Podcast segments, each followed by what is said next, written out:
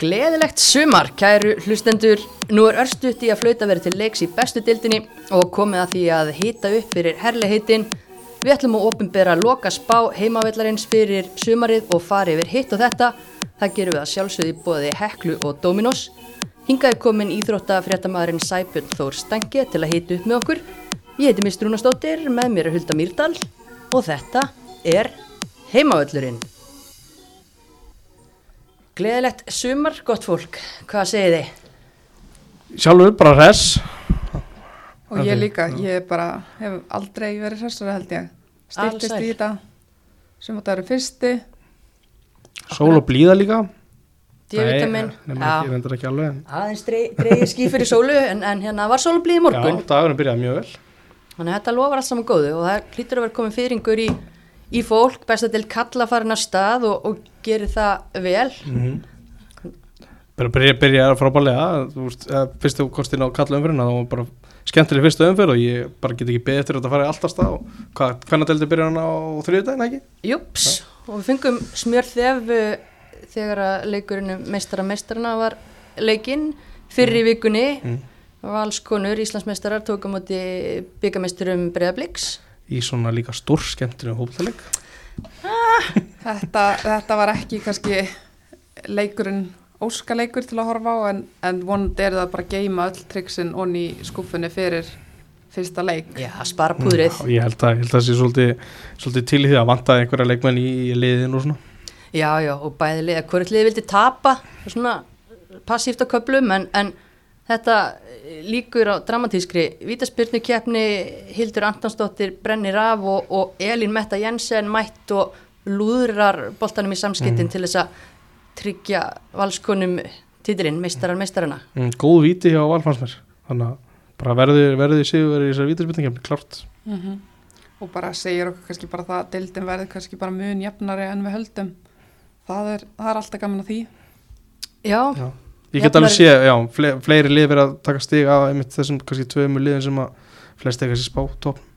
mm, við erum nú ekki búin að halda vatni yfir, yfir valskonum og undirbúinstífumfélinu, þannig að allavega hana, við séum kannski svona í já, síðustu leikjum og komum kannski bara betur að því eftir að að- að kannski ekki, kannski, eins og ef að huldu kenningarnar standast, þetta verði bara jamt, Hver veit? hver veit. En hérna, eitthvað þú veist að úr svona nýlegri umræðu sem að þið hefur vakið aðtíkleikar, einhver svona félagskipti sem hafa verið dettin sem að ykkur Já. finnst að því að við erum að fara að ofinbæra að loka spán okkar, eitthvað sem að hefur hérna, hvað sé, Gripið augað. gripið augað og, og gæti verið að breyta hérna frá ótjónbæru yfir í Ég veit ekki alveg hvort það breyti eitthvað spá en bara svona, svona undarfærtum mánuðir bara, þau munum örgulega koma mjög fljótlegin og kepla ykkur spá, mér finnst bara að vera margar að fara þann, það svona vekur aðdegli. já, Engi- lí, líka bara það er ekkit að fara langt. Það eru sem að bara fara yfir í Grindavík. er Og á þá það. spyrum maður sig, þú veist, þetta er liðið í bestudeldinni. Mm. Af hverju viltu hlaupa þaðan? Mm. það er góð spurning. Mm. Mm einhver leikmenn sem er að hlaupa til landsins maður er að sjá einhver nokkur nýnöfn kannski dettin, þróttar er að fá hann að já, tvo, tvo nýja leikmenn það er svona sem dettur helst í hug Heiðdís að koma heim Mhm. og heitis að skila sér, heim. það er Frá- stert frá Portugal. Þannig að það er, það er bara gott púsl fyrir breðablík. Já, það var náttúrulega kannski ekki alveg klárt í þegar að samningur að gerðu hvort hún yrði með breyðabliki sumar en það svona kannski svolítið stemdi samt allt í það og hún verður greinlega klár. mjög stert fyrir, fyrir blikana svo eru fréttir af markmannsmálun landsliðsins Cecilia hérna handarbrotin, það Mhm. fór aðeins um mig Já, það hljómar aldrei vel þegar að markverður er handabrótin, maður veit svona aldrei hvernig, hvernig, hvernig leikum að koma tilbaka úr þessu en þetta ávist bara að vera smáveilegt og, og mér skilst þetta sé einhverja sex vikur sem er hérna að vera að tala um. já, það er nægutími en þá fyrir EM Mánaðamótin í júni, maður júni er ekki, það er ekki bara alltaf leið. Mm Jú, Já, sleppur, þetta var, þetta var hérna síðasti sjens til þess að já, fara með sig eitthvað, þannig að nú er það bara bannað. Bannaði handabrótna eftir þessa dagsendingu. já, algjörlega. En hérna fyrirliðan okkar, eða landsins fyrirliðin Sara Björk uh, gaggrindi Júfa svolítið hræsilega á Twitter. Já, fyrir stærð valla eða áhörunda fjölda stærð áhörunda palla í Englandi, Já. orðan þannig. Og hérna hún fekk svör líka. Jú, jú, það var einhver talsmaður sem að, talsmaður skipulegenda mótsins eða eitthvað eins og ég skildi það. Svaraði henni og, og sagði að bara þetta veri verðu leikvangur til þess að halda móti og sem þetta er eflust er en hann er samt ekki nú stór. Nei, það tekur ekki nú marga í sæti. Vist, ég, ég veit ekki, það er, það er fullt af leikvangum hann í kring. Sumir þeirra reyndar ofstórir en það er alveg bara fullt af leik, svona 10-12 manna leikvangur sem að hefði bara verið bara frábæru vettvangur fyrir EM líka Mhm. já, tíu er flott fjögur og sjö, það, það er allt og lítið það er bara lítið, já og Sara er heldur ekkit að byggja um það þarna, hún er ekkit að byggja um að við sem að fara á okkur 50 og smanna vell, hún er bara Mhm. að byggja um það þannig að það bara sé stemming það eins og þú segir það er munur á 4000 eða 5000 og svo upp í 8000 Mhm. 10, þannig að það er það sem að er svona veist, það er fullt af fólki að fara að mæta á þessu leiki, það langar öllum að vera þarna þannig að bara leiða fleirum að vera með. Já, og þetta er líka, ég talaði eins og Steina það er að nálgast það spjall einhvern tíma fljótlega á fótboll.net það er ekki löngu komið inn þegar þetta kemur inn? Já, já, svo, svo það, það kemur ljós. Uh, Þá er mitt líka vaktan svo aðtekla á því að þetta er, þetta er ekki endilega bara Íslendingar sem að, sem að vilja fara á hana leik. Þetta er líka bara fjölskyldu fólki í Breitlandi sem er ekkert búið að ákveða núna hvort það ætla að fara á hana leika eða ekki. Mm Það verður ekki takt, það er lungu orðið uppsilt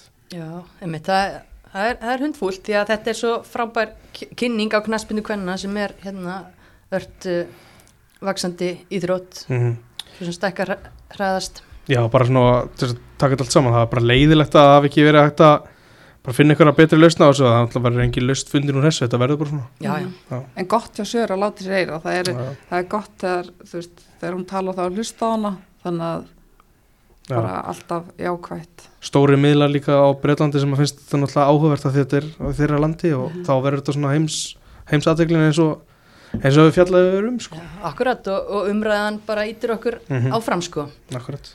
Um, Eitthvað fleira, það kom hérna spá í gær frá þjálfurum og, og Mhm. fyrirliðum uh, bestu deildarinnar. Mm og nú er fróld að sjá hvort að hún verði eins og okkar spá eða ekki. Akkurat en þjálfarar fyrirliðar og forðamenn, glemum þeim ekki þeir, mm.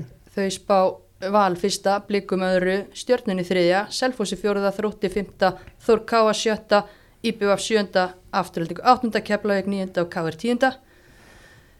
Egu eða vinda okkur í okkar spá? Já, alveg nú, nú er komið að spánni með greini. Mm Þetta er spáin eins og þessi með greimi Já, það er hvað, rúmum mánuður síðan að við hendum í, í ótímabæra. Þá var hann Guðni Þór þjálfari Háka fyrir þjálfari Tindastóls með okkur. Fórhaldi vel yfir liðin og nú skulum við hérna kjarn okkur og, og hlaupa yfir þetta. Mm. Fyrst þú segir þetta, hrósa guðuna, skemmtilega þáttur. Já. kom vel út úr þessu.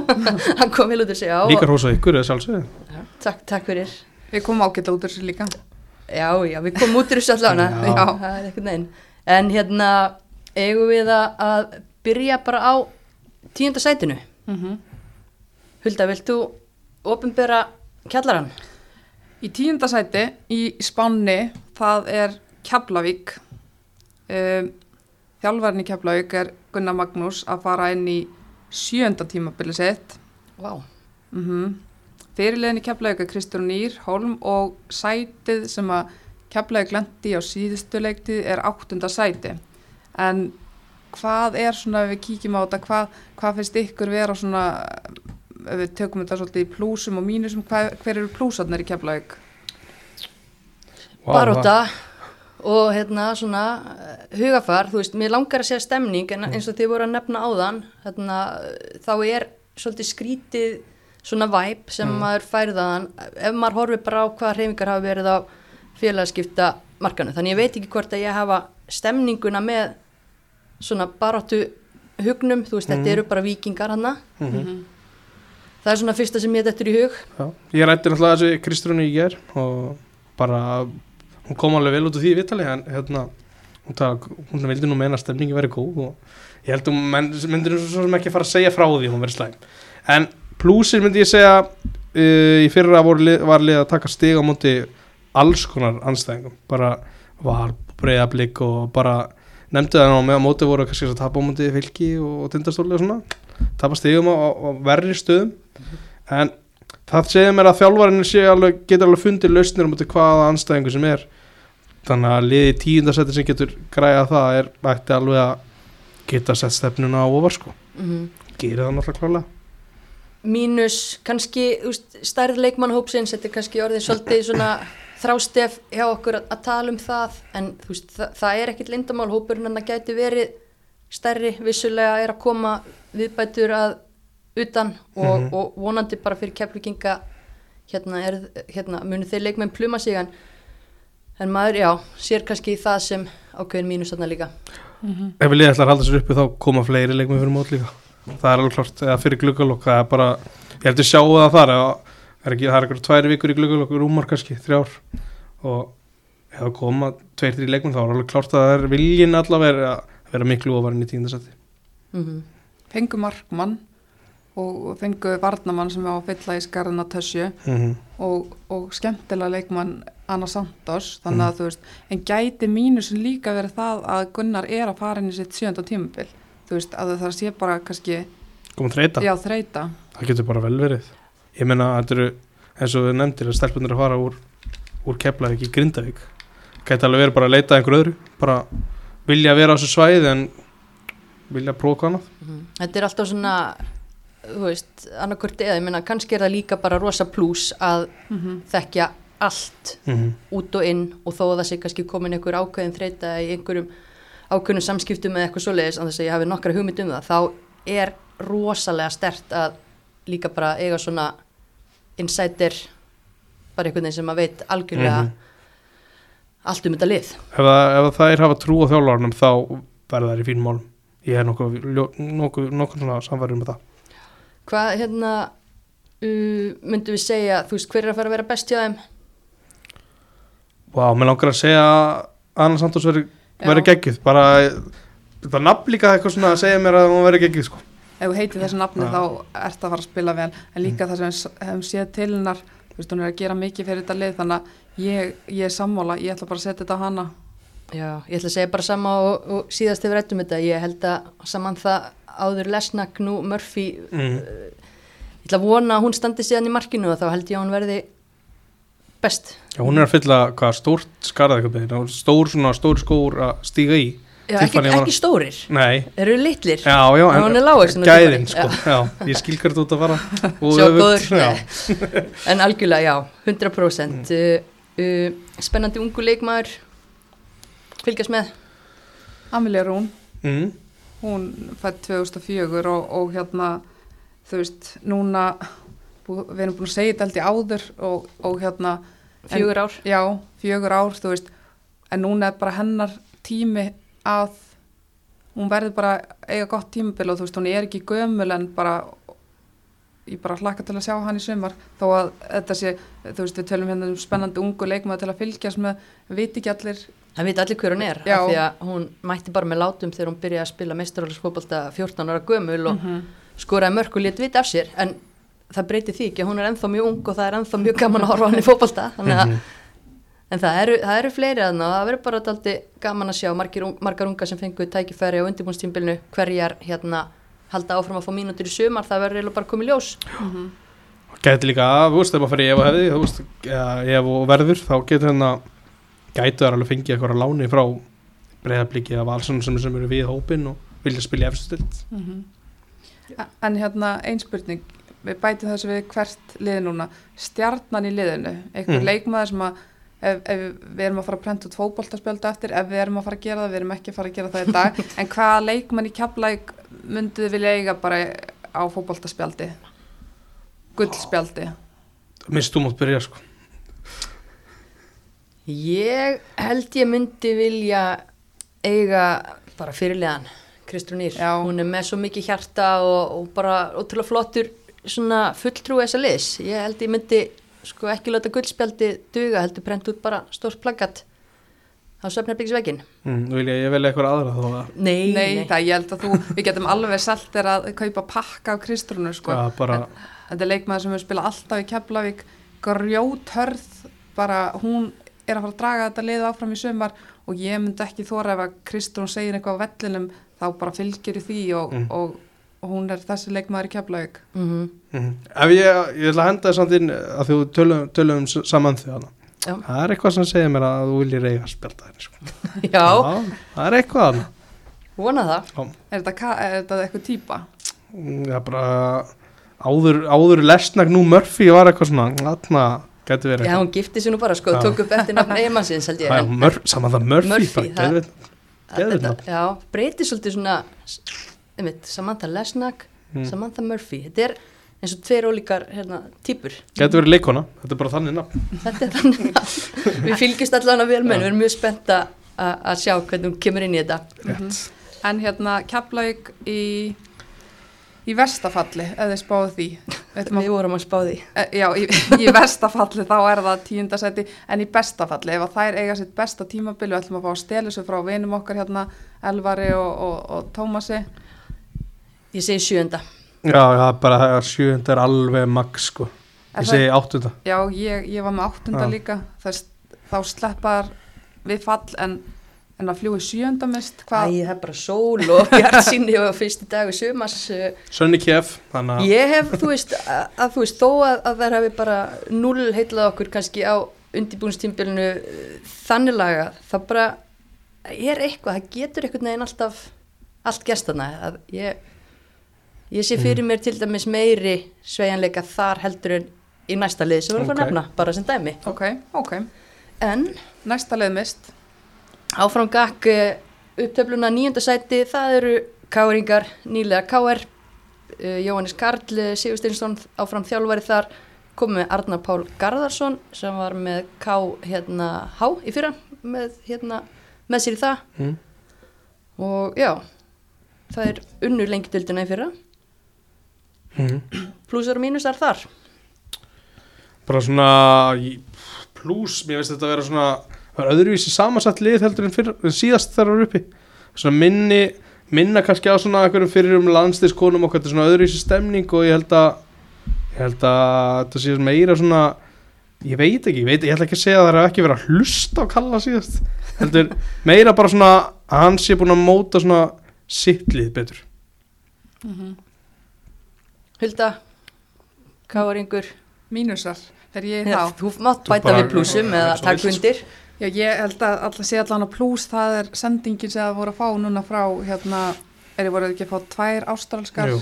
Jú. Að tala um það sem framtíðar landsleiskonur Ástralja að standa sér vel hér þannig að það er, það er fyrir- Já, gluggi fyrir þær og eina frá bandaríkjunum með það ekki? Mm þannig að þetta var allan að sending sem þurfti að koma.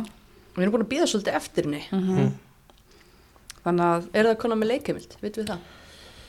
Ég held ekki, held ekki síðast því ég skoði sko. Nei, það er nefnilega mörg lið sem eru í Mm. kappi við, við tíman í, í þeim málum hvað þarf þetta þetta á mánudaginn í næstu viku þá erum við, er það alltaf læg vonandi, vonandi gengur það upp Já. uh, Já, mínusar, Hulda, þú vilt ekki byrja Sæbjörn, þá tekur það á þig og uh, bara þegar ég bara þekki það ekki alveg nógu vel bara markmanns stöðuna sko. bara ekki endilega mínus bara frekar svona spurningamerki bara Ingibjörg bara, bara búin að vera viðlöðin landslið svona fyrir einhverjum árum og þannig að ég held að sé alveg missir í henni en svo ser maður til hvernig þetta verður núna í sumar sko.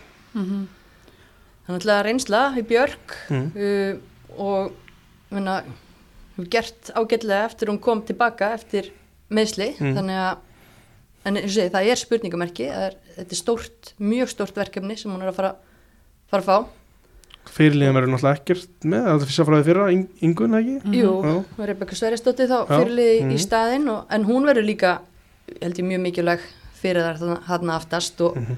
og það er svona, þú veist, reynsla laufi Rebecca, hérna, Björk uh, geta myndað þarna svona reynslu hrygg og svo eru þessir ellenduleikmenn sem kom inn og, og spennandi ungir kannski viljiði fleiri mínusa eða viljiði segja mig hverju verður spennandi að fylgjast með mm, kannski líka þú veist mínus eða þar erum við nokkra út í skóla sem að koma einst þá setna upp sem er eh, bara leikmenn sem vantar upp á breyttina Mhm. það er kannski eitthvað en, en hvort það sé eitthvað mínus það er Það eru svona nokkuð lið kannski í sömu málum og, og K.R. varandi bara til dæmis undirbúinast tímbilið að þær eru augljóslega ekki búin að vera að spila á liðinu í vor sem er að fara að spila í sumar á meðan að kannski tvö, þrjú lið í deildinu eru búin að geta gert það það munar, munar mikið um. Mm Spennandi að fylgjast með uh, Ísabel Sara. Já, ætla að Hún var henda því nafni í, í kosmosið mm mm hún var líka á mínu blaði. Já, hún var á mínu blaði líka. Þannig að stela þessu aðna velgert Nei, hún er frábær hérna, spennandi unguleikmaður með mikla hérna, leikgreind þrátt fyrir ungan aldur og, og góða tækni. Mm og það er náttúrulega bara spurning, þú veist, hver- hvernig þessir erlendu leikmenn komi inn, hvort að hérna hún fá ekki aðstóð hana fram á við því að það er aldrei mikið að ef að svona ungu leikmaður á að fara að leiða sóknarlínu í, í bestu deildinni. Það gengur ekki upp. Það er bara, að, við erum ekki að gera neitt greiða með því og ekki káir heldur þannig að hún verður að fá aðstóð en hérna ok, þetta er spennandi unguleik með hver verður best í káir um, Mér langar að segja að Bergdís fanni verið allavega mjög mikilvæg mm -hmm. og ætla bara að henda, henda svolítið svona ábyrðin á hana sko. Já, ég er alveg til í það því ég er ekki búin að sjá erlendu leikmennina. Mhm. Ég hef alveg grun um það að allavega þessar áströlsku verði mjög flottar Mhm. viðbætur ef þær er í leikformi. Akkurat Uh, en á meðan að ég veit ekki, þú veist, er hvað og, og Mm, hefur ekki séð að einmitt. spila þá, ætlum ég ekki að hendi svo þær, þannig ég er til í það. Já, ég held ég segi Bertis hann líka og þú veist, maður sér jafnöldurinn sem voru að spila með yngri landslegan þær hafa alla tekið skrefið eitthvað negin Mm. uh, og hún var í mjög sterkum árgangi þar en var samt, þú veist líkilkona þar, þannig að þú veist ég held þetta sé tímabili hennar og hún á bara að setja kassan út og, og bara leiða þetta káurleð. Mhm. Já, hún var til dæmis bara flott núna, búin að vera flott lokasprettin á undirbúnstímbilinu, Mm. þessum að ég hef séð og, og held hún sé bara tilbúin í þetta. Já, ekki, já, hún var náttúrulega og fekk ekki kannski alveg svona það hlutur sem hún vildi alveg hjá val þannig að hún að færa hún allar þær mínútur örugglega sem hún vill Ég ger því. Já, Emmett. 100%. Mm. En stjarnan, hver er, hérna, hver er hún í Vesturbænum? Hver fyrir á, á guldspjaldið? Sko, við erum með leikminn hann eins og Rebekku Sverri sem er fyrirlið og svona, en ég held bara hann, hann langi ekkit á fótboltaspjald. Hún er, hún læti verkinn tala á vellinum og týpa. hún er hóvar og þú veist, uh, ég var nú svolítið óvænt þar. Já, Ég ætla að setja þetta á litlu konuna, Ísabelli Söru. Hún, hún er hérna, vorum að tala um að hún ætti ekki að leiða neitt sóknarleik á hana og eitthvað svona, en þú veist, ég held, ég, það er bara eitthvað við hana típuna að hún, hún er bara eitthvað svona típa sem að er að fara að vera á fótboltaspjaldi í framtíðinni. veistu það að þetta er nákvæmlega saman nafn og ég var með á fótballspjaldinu að því að hún er líka fan favorite. Mm. Já, Þú veist, það er svo gaman að horfa á hann að spila fótballta. mm Nú segir litlu stelpunar í KR dýrkan og lítu upp til hennar, hún er náttúrulega einhver staðar á milli, millibils ástandi frá því að vera fótballtastelpu í KR og fótballtakonni í KR sko. Mm. Að hérna, ég er bara alveg samanlega, ég held að það alveg. Akkurat Hún er elskuð í Vesturbænum og, og ég held að þetta er bara stöngin inn að setja hana á, á spjöld. En hérna í vestafalli, Káar, eða viltu, viltu koma með einhverju, Sko ég að hérna ég hérna ég er ekki alveg klára á kannski stöðun á henni en er ekki Telma Lóð ennþá í gáður það? Hermannsdóttir Jú, Ég held það ekki Ég ætla alltaf að henda hennar nafni í kosmosið líka. Bara hún var náttúrulega spennandi á sínu tíma og þú veist, tók ekkert mikið eftir henni í fyrra byrjum hvernig verður í ár Mm já, hún er alltaf búin að vera úti í, Mm. í skóla í, hvað, Flórida eða ekki? Kannski er Og hún komin á spjöld þar. spurning Ég hugsa það, en hún spilaði þessun ekki mikið í fyrra, en, Nei. hún- en það, mér fannst hún alveg eiga, eiga góða, góða takta. Akkurat, ég, einmitt bara ég náða kannski ekki að fylgjast nú vel með henni en ég ætla, ætla að Mhm. henda nafninu hennar í loft.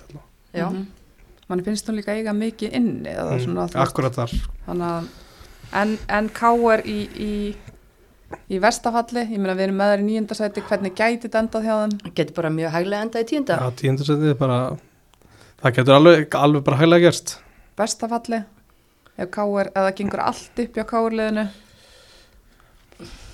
Já, ég byrja Þú mátt byrja. Ég ætla að segja þá sjöðansæti ef að, þú veist, þá erum við að tala um þetta að þessar áströlsku séu frábærar og, Bergti segir bara frábær tímabil og þá er ég ég sé samt ekki að það er komist eitthvað mikið ofan en það.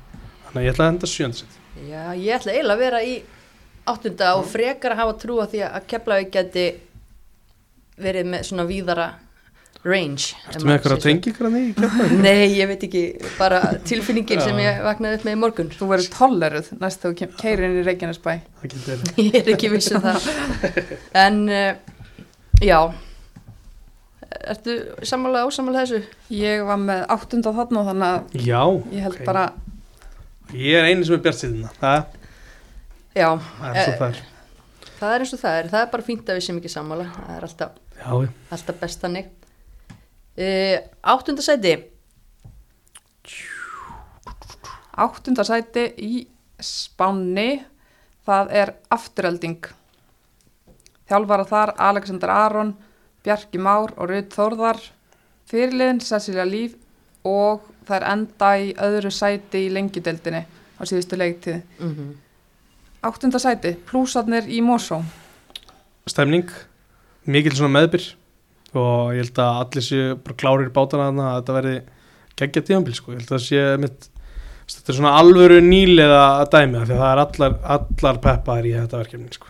100% og, og Anna Plus bara búin að gera mjög vel á leikmannamarkanum eins og við talaðum og það er alveg metnaður að gera vel þar mm -hmm.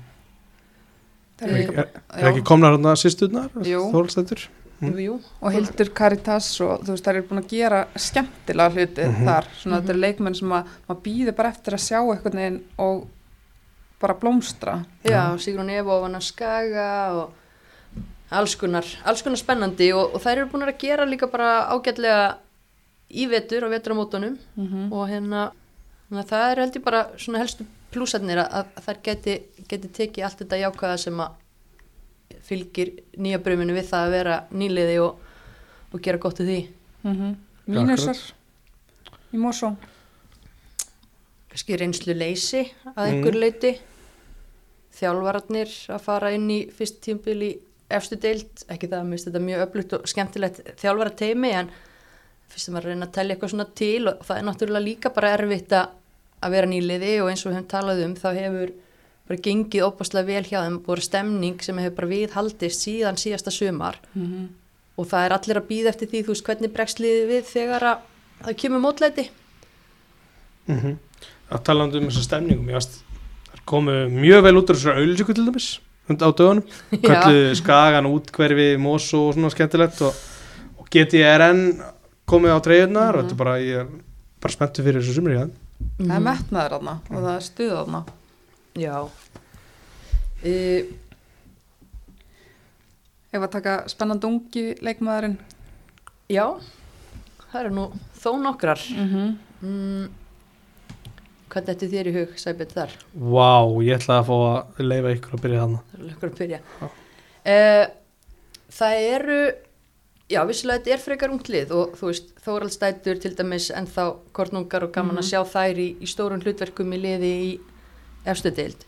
Svo er ég líka nokkuð spennt fyrir henni Signý sem að Signi já, sem var að vinna sér sæti í U19 landsliðinu og bara mjög til ég að sjá hvernig hún kemur út á, á stóra sviðinu. Mm þannig ég, já ég nefni þessar. Já, já með Signi, Signi Láru að blæðja mér og svo náttúrulega eins og Þórhildi.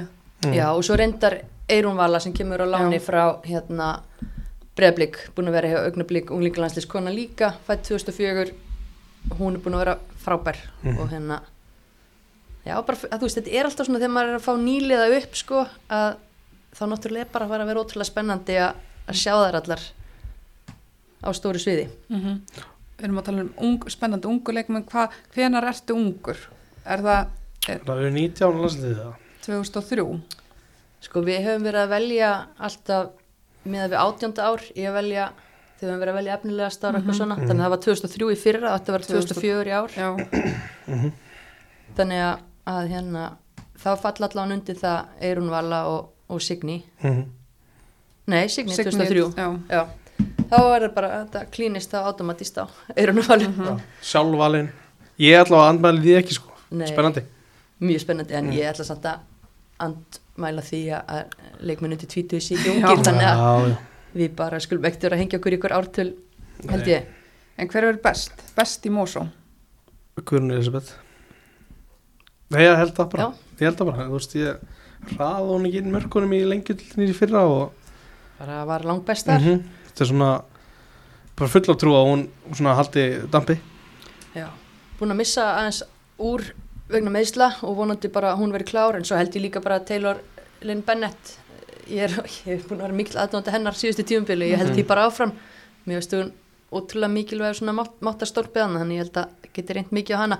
Og líka annar leikmaður sem ég er mikil aðdóndi Eva er markmaður, akkurat. Já, þú veist, hún er að fara að hafa öðruvísi mikið að gera í sumar heldur en síðustu tíumbil Mhm. og ég held hún sé tilbúin í það. Hún gæti, þú veist, ef að allt fer á, veist, í versta ef og hefði heiminum, ef allt fer á versta vega með, að Cecilia verið lengi frá, þú veist, við erum að tala um að það er óvíst hver væri svona þriðji markmaður þá, mhm. þú veist, ef að ég ger, ger alveg tilkall. Já, mér finnst hún líka, hún minnir mig á Sonni í löppunum, hún er svo ótrúlega rólega, hún er til í að fá hann tilbaka, taka þátt í spilinu, það er ekki stressið í henni, Nei, og hún er örygg í yfir, tegnum, yfir allan völlin mm ég er alveg, hérna, það get alveg orðið hún og það verður nóg að gera hjá henni held ég, mm en, en hérna stjarnan í, í þessu liði, hver, verður ekki að prenta svona með tveimur saman á? Já, Rögnu Guðrun og, og Guðrun Elisabeth Jú, það ekki, held er svo það lust, sko. ég, þær eru náttúrulega bara þær eru báðar stjörnur einar og sér en, en saman eru þær bara ekki stjörnur hrap hvað er annað orðið við svona pólstjarn ég, ég veit ekki hvort það þarf að fara í sig. nei, Svo tvípur og stjórnur eitthvað stjörnur já, Ef það er til það orð, sko.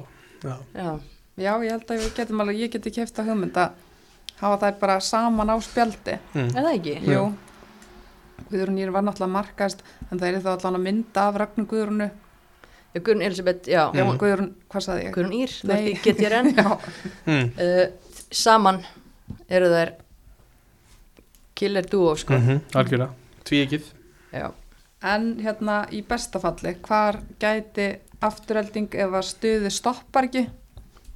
fjórða Já, Fjórða? Ég það er bara, mist allar að fá sko frítt á alla Já, leikjum og svo. vantar að miða á tónleika og getið er Ég ætla að segja sjötta seti. já, Og Sjötta, er ég svona neikvæð í dag? Ég, við erum að spáða um áttunda seti þannig að þetta er nú bara upp um tvö. já ég er bara sé ímislegt svo óráðið Mm. á kunni stöðum að ég Mm. ætla bara fjórða sæti, nú er ég eiginlega bara sko, segðu bara það sem að þú ert að hugsa ég, ég var með sko sjötta sæti en sko fjórða sæti, vá, já, bara ég held ef með að það. allt Já, gengur upp Já. ef að Ír setur í lás og Mm. stjörnu hvað það eru, stjörnu Tvíeggi, týpurarnir já, tvíeggi, tvíbura stjórnunar. týpurastjörnunar eru í stuði og, og mín kona Taylor uh, setur hérna í stopparna Já, já, þetta er geggja lið, geggja mjög hérna, mjög spennandi. já. Og þú veist þú allt, það er einmitt, þetta þessi meðbyr getur alveg fleitt um alveg rosalega Mhm. langt. og það er með líka, þetta er svo skemmtilega leikmenn til að horfa í fótbolta, Ísafold og Þórildur og Mhm. þú veist þannig að já mist ég bara, ég segi fjórða með þér. Já, Nei, ég, ég stemningskona Mm. já, það þarf ekki mikið. Hérna, ég, ok, þá er ég komin upp í fymta ég seldi Mm. á fymta en ég fer ekki hærra en það. Það er bara flott, en hvað er það versta worst case scenario? Ég ætla að segja áttunda seti sé bara versta. Ég ætla að geta ekki allir. nei, ég ætla að segja níunda af því að við eigum eftir að sjá hvað gerist þegar mótlæti kemur. Mm. já, ég var með þær í fallsæti uh, það er lenda aldrei í tíunda níunda en nei, þetta lið nei, þetta Ég, veist, já, Já, ég, sá þetta fyrir mér í svona sjönda og sjötta sæti þannig að það var þægilt fyrir mig að segja sjötta best case scenario þannig að ég Já. sé það ekki fara neðar en átta. Nei, þú veist, þetta eru nýlegar þannig ég segi nýjunda sæti ef allt fer onni í niðurfall þá gæti þar fallið. COVID Ok, bara yfir sumarið og alls konar. það eru allar búin að fá COVID það er fenguð hérna eftir faxan. Þurft að fresta að rétt, leikjum já. einhverjum. En uh, uh, bu, bu, sjöndasæti Mhm. áfram gakk, það er uh, IBVF Jonathan Glenn uh, er tekin við sem þjálfari liðsins. Uh, það er enda líka í sjöndasæti á síðustu leiktíð. Mm. Ragnar Sara Magnúsdóttir ungur fyrirliði liðsins plussar og mínusar sem þið sjáuð Já, plúsar er, er hérna tvær reynslu miklar komnar sagt, tvær eigakonur komnar inn í þetta. Uh, Mér hefur bara líst vel á það. Mér finnst það svona og hefur svona aðeins vanta þó að, þó að veist, íslenski kjarnin hefur, hafi oft komið bara á láni hjá svona. Núna er orðin aðeins eldri og reynslu meiri og getur bakkað eins þar yngri upp og, og hjálpa kannski erlenduleikmannum að komast ræðar inn í hlutina ég hef full að trúa því Þórildur og Kristín Erna mm þær eru náttúrulega mitt öllum hnútum kunnugar á, á eiginni Það ættu að þekka sig ágætlega þarna. Mhm. og Kristín var mjög góð síðast þegar hún hérna spilaði með Viking Mhm. og fór svo hérna til Ítalíu eitthvað og Já, það er aftur á móti kannski lengra síðan en við séð Þórildi í svona nokkur ári lengra síðan. Mhm. en klart að hún getur gefið þessu unga liði mikið en er ekki líka mitt plúsa erlenduleikmyndin eins og við hefum nefnt Já. að eru komnar upp á, eh, upp á land upp á, út í Það eigu voru mætt að snemma. Já, Já, Það að- er ekkert farið, það er Nei. ekkert fara bara. Nei, Ég er bara einmitt, þegar við förum- í, í best case scenario þá getum við fara að tala saman á eftir já, nú, nú, æja, æja Nei, það eru klálega plúsar en hvað hérna mínusar í eigum Já um, Er þetta ekki bara alltaf sama? Maður hefur eitthvað með að ég allavega ekki sé eitthvað rosalega mikið af þeim þannig að ég veit ekki alveg hvar þær eru stattar í dag. En við það að vera erlenduleikur eru búin að vera lengi þá það hljótar að vera nokkuð svona velsettar Mm Kanski spurningamerki þjálfaran á sínu fyrsta á, mm ári með þær, þú veist, en það er greinilega eitthvað skemmtilegt að gerast þannig líka fyrst eins og Þórhildur og Kristín Erna eru til í að vera þarna og taka bara fullan þátt í þessu. Það hefur verið flókið að sam, samfæra þórildi Nei, líklegast ekki. En það er svona, já, Það er verið að styrklegi er, er bestu klefarnir í deildinni líka já, það verður það. ekki glemma því mm. Það er rosalegu styrkling, mér finnst það geðið, Mhm. geðið dæmi sko. Þetta er svo mikið statement. Já. mm Ég er að fara til eiga á sunnudagin, ég ætla að taka þetta vel út sko. Já, Það ekki? Já, senda okkur mynda Já bara Eða klart rapport, já, mm.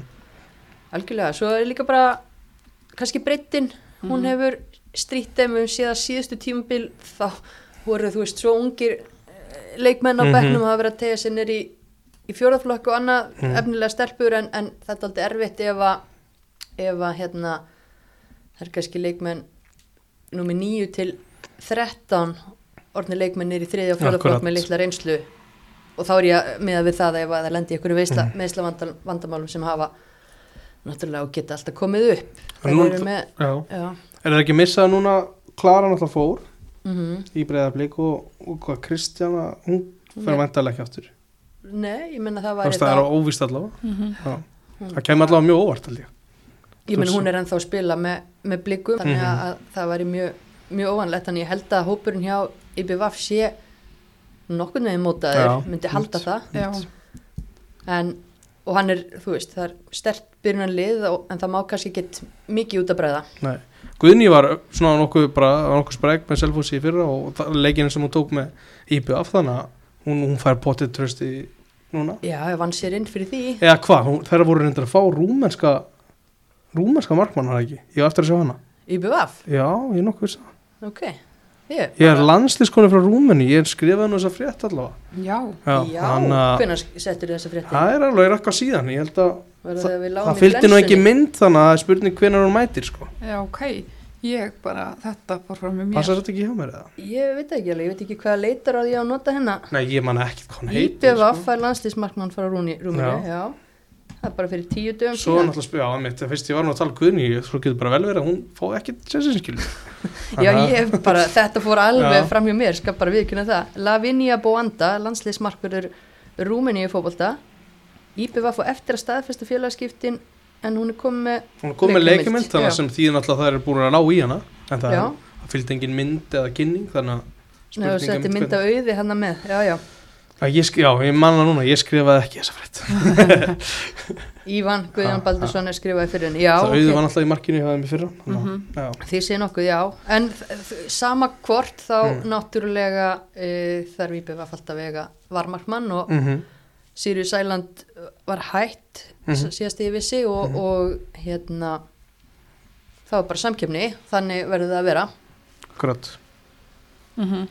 En besta unga þarna, nei, spennandi, spennandi un- ungi leikmaður til að fylgjast með í eigum. Sko, Vá. Þóra Björg skemmt okkur náttúrulega stórkvæslega í fyrra Mhm. og ég held hún gerir það áfram en svo er ég líka bara mjög spennt að sjá uh, Rögnusöru með bandið.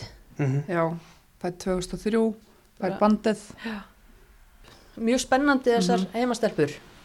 fylgjast með henni í þessu hlutverki. Það er, Nú voru, þú talaður um hann að náttúrulega leikmaður nummer 9 til 13 getur verið 3 til 4 flokks stelpur í fyrra, veist, þetta er núna það er búin að fá þessa reynslu og eitt ári, eitt ári viðbót er náttúrulega mikill kostur sko. Já spennandi að fylgjast með. Ragnarsara er 2003 ég hefði hent henni bara inn Já, við ætlum ekki að velta ár, árunum fyrir okkur, meðan þeir eru ungar í anda. Svo hefur alltaf Helena verið að spila svolítið, bara sísta ár Mhm. 2004 Já. mm Telma Sól líka, ég held að hún sé 2004, Fimm, eða ekki? Fjör? 5, já, ok. En þá, en er þá ekki viss. meiri ástæða til að fylgjast með þeim. Það er fullt af, hérna, Það er nóg af ungum, ungum heimastelpum, það er ekki, ekki nokkuð spurning og það er einmitt, eins og sé, sérstaklega þessar eh, varnar, varnarjakslar sem eru búin að standa á vaktinu þannig að árum saman þrátt fyrir mm ungan aldur. en best í BF í sumar. Olga, Álga, Mhm. hendi því líka Og Viktoria svona á öxlun, öxlunmáni. já, Já, Viktoria er gott, gott backup aðna og ég, mér líst ágætlega á þessi erlenduleikmenn sem komnar en Olga er þekkir, þekkir sörðu vel í, í deildinni og við vitum hvað hún getur þannig að ég á ekki vona neina öðru en hún haldi áfram bara að bæta sig. Gera vel þarna, það er rétt. einmitt. kom með eiga hjarta. Voru það ekki, kom það ekki þrjár frá bandaríkun? Jú, Það er ekki rétt. Jú, það eru allar, allar á skýslu og alls konar. Þetta verður bara, eru ekki að fara í best case scenario núna? nei, er fótboltaspjöldin. Fótboltaspjöldin, Hver já. verður, hver verður á stóru spjaldi fyrir utan Herjólfsdal í ágúst? Um, ja, Ragna. Ég landi það. Já, ég bara klári það. Já, ég bara, þegar þú varst með eitthvað aðra hugmynd þá bara því miður. Ég skal selja þér aðra hugmynd. Já, Hún hefur skorað 144 mörg í 20 277 leikjum. Kristín Erna. Já, já, það er bara, það er íbjöð fjarta þarna. jú. Hún hérna, það er reynsla og hún, hún er ungfrú íbjöð. Ég ég myndi kaupa hvort tvekja. Já, bara klart. Mögulega að tekið tvö eindök að báðu, sko. það geta verið. Já, báðar frábæri fulltrúar eiginleysins, Mhm. sikkur, sikkur kynnslóðin Mhm. og hérna, En, Já. þá- en þá getur þú farið í, í, nú ertu spenntur, í besta, besta falli íbjöð. Þú ætlar að hvað? Þetta var samt sko, mist eiginlega eðilega þetta með fjórasetin á hann því að ég ætla að segja fjórasetin núna. Þú fór svo hátt á hann með aftur. Já, já, Ég ætla að segja, sé já, já, aftur, það- ég sé bara eitthvað svona spútnik Já, hérna. Ég hérna ætla að hendi í fjórasæti En mér veist líka alveg sko uh, Af því að ég tek bara að hitta á móti líka Þá, veist, þá finnst mér nýjundisæti líka. Mér finnst mér mikil Mikil sveifla svona Fyrir eftir hvernig stemningi verður Og er og svoleið sko. Já, Fjórasæti að því að bara Að fara þarna til vestmanni er, Það er eitthvað allt annað dæmi sko. Þú ert, þetta er ekki eins og þú veist, Það er alveg erfitt að fara á norður okkar En þetta er samt ekki það sama. Þetta er útileikurinn Já. sem liðin fari í bara Mhm. með Sáum greini. hvað, sáum hvað breyflik tapaðinni fyrra og Þór Ká er alltaf í vandræðum og bara það- það- í smá brasi þó þeir hafa verið að vinna leikina. Það- Akkurat. Ég ætla að vera aðeins, uh, það er aðeins minni sveifla mér en, en ég ætla samt að segja alveg 5. til 9. Já, þannig að íbjöð getur fallið ef allt fer, ja, klárlega í skrúuna, Já, já, ég er alveg því ég held, í strand. já, ég Mm. held að það haldi sér uppi, það er besta áttunda, besta fymta, þannig að Já. Já, hvað var besta hjá þér mest? 5. Fymta, já. Já, Já. já, er. Já, En þá erum við konur í sjötta sæti. Áfram veginn. Sjötta sæti í spánni, það eru Þór Káa. Mhm. Hvað, hvað Þór Káa endar í, á síðustu leiktíð, Það er enda í, það uh, sjötta. sjötta, já En það, já, náttúrulega IPVF og Þórká voru mjög mörg stig hérna í Mhm. sjötta sjöunda. Þetta var allt svona, þetta var frekar Það voru alveg að berjast við fall draugin hann alveg til lúka sko Já. Mjög þjættu pakki og, og jafntefli strotningar náttúrulega mm. á síðast tímabil gerur sjö jafntefli. Fekk á sig Ég- mjög lítið að mörgum Svona svona á, í svona flestu leikjum allavega. Já, fengið sér 23 mörg en þær Mm. skoruðu bara átján. Já. uh, voru svona nokkri leikir sem töpust aðeins stærri en aðri þannig að blekkir þess Nýtt þjálfartími, Jón Stefán Jónsson og Perry McLachlan tek teknir við. Mm. Mhm. Huldabjörg Hannesdóttir tekur fyrirlega bandinu að verðnu Sif sem að er farin í val. Og plussar og mínusar. Plúsar er bara leikmenn sem er kominir stórir prófílar og mínusar er aftur á móti leikmaður sem er farin stór prófíl það ég er bara þar sko mér finnst þetta bara að vera komni farin í listin er bara eins og leggur sig bara komni, er bara plús og mínus Mhm. Plúsar náttúrulega bara þetta þórkáa hjartað í þessu leikmennum en svo finnst mér mínus að vera þú veist hver á að skora þarna nú Tiffany, þú veist hún hefur spilað fyrir Selfoss, fyrir Mm. mm. Breðablík Mm. uh, þú veist mikill sóknarleikur í gangi þar hún verður bara að skora mörg mm já, satt, þú veist, mér finnst Margrét þarf að skora, Andrea þarf að skora Sandra þarf að skora, Tiffany þarf að skora. Mm Hulda, Hulda þær eru með leikmenn Já. sem geta skorað það, þannig það að er, já, þær geta það en þær þurfa að gera það líka. Já, það þú veist það þýðir ekki eitthvað meginn bara að setja eitthvað ábyrð á þær og svo bara tvö mörg mm það þurfa, eða allar af þessum þurfa að skora þrjú mörg, allar að stefna á það pluss þessar fimm fremstu hana Já, það skoraði hvað, nýju mörg í fimm leikjum í lengjubíkarnum mm -hmm. núna, já. Sandra Maria þar með þrennu Mm Já. fylki það tóku ákvörðun að spila í, í fagsarflóðmótinu til þess að fá fleiri bara alveg leiki Já. sem er, mér leist bara mjög vel á Mm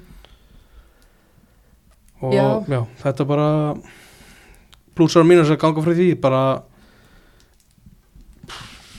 það er stemning held ég með þessari heimkomi hjá Söndru Mari og, og Andreu sko.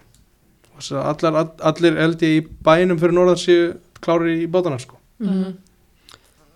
Kanski líka mitt fleiri ungir sem að, ungar sem að munu fá mínútur í sumar og Mhm. það náttúrulega kveiki líka alltaf á, á nærsamfélagunum maður vil sjá hérna sínar stelpur spila og þær hafa verið að fá tækifærin þó nokkrar í vor og, og bara grípið þau ágætlega mm. Hver er mest spennandi ungu? Um, Já, er ekki Það hérna Ísa Ísa Valdmari.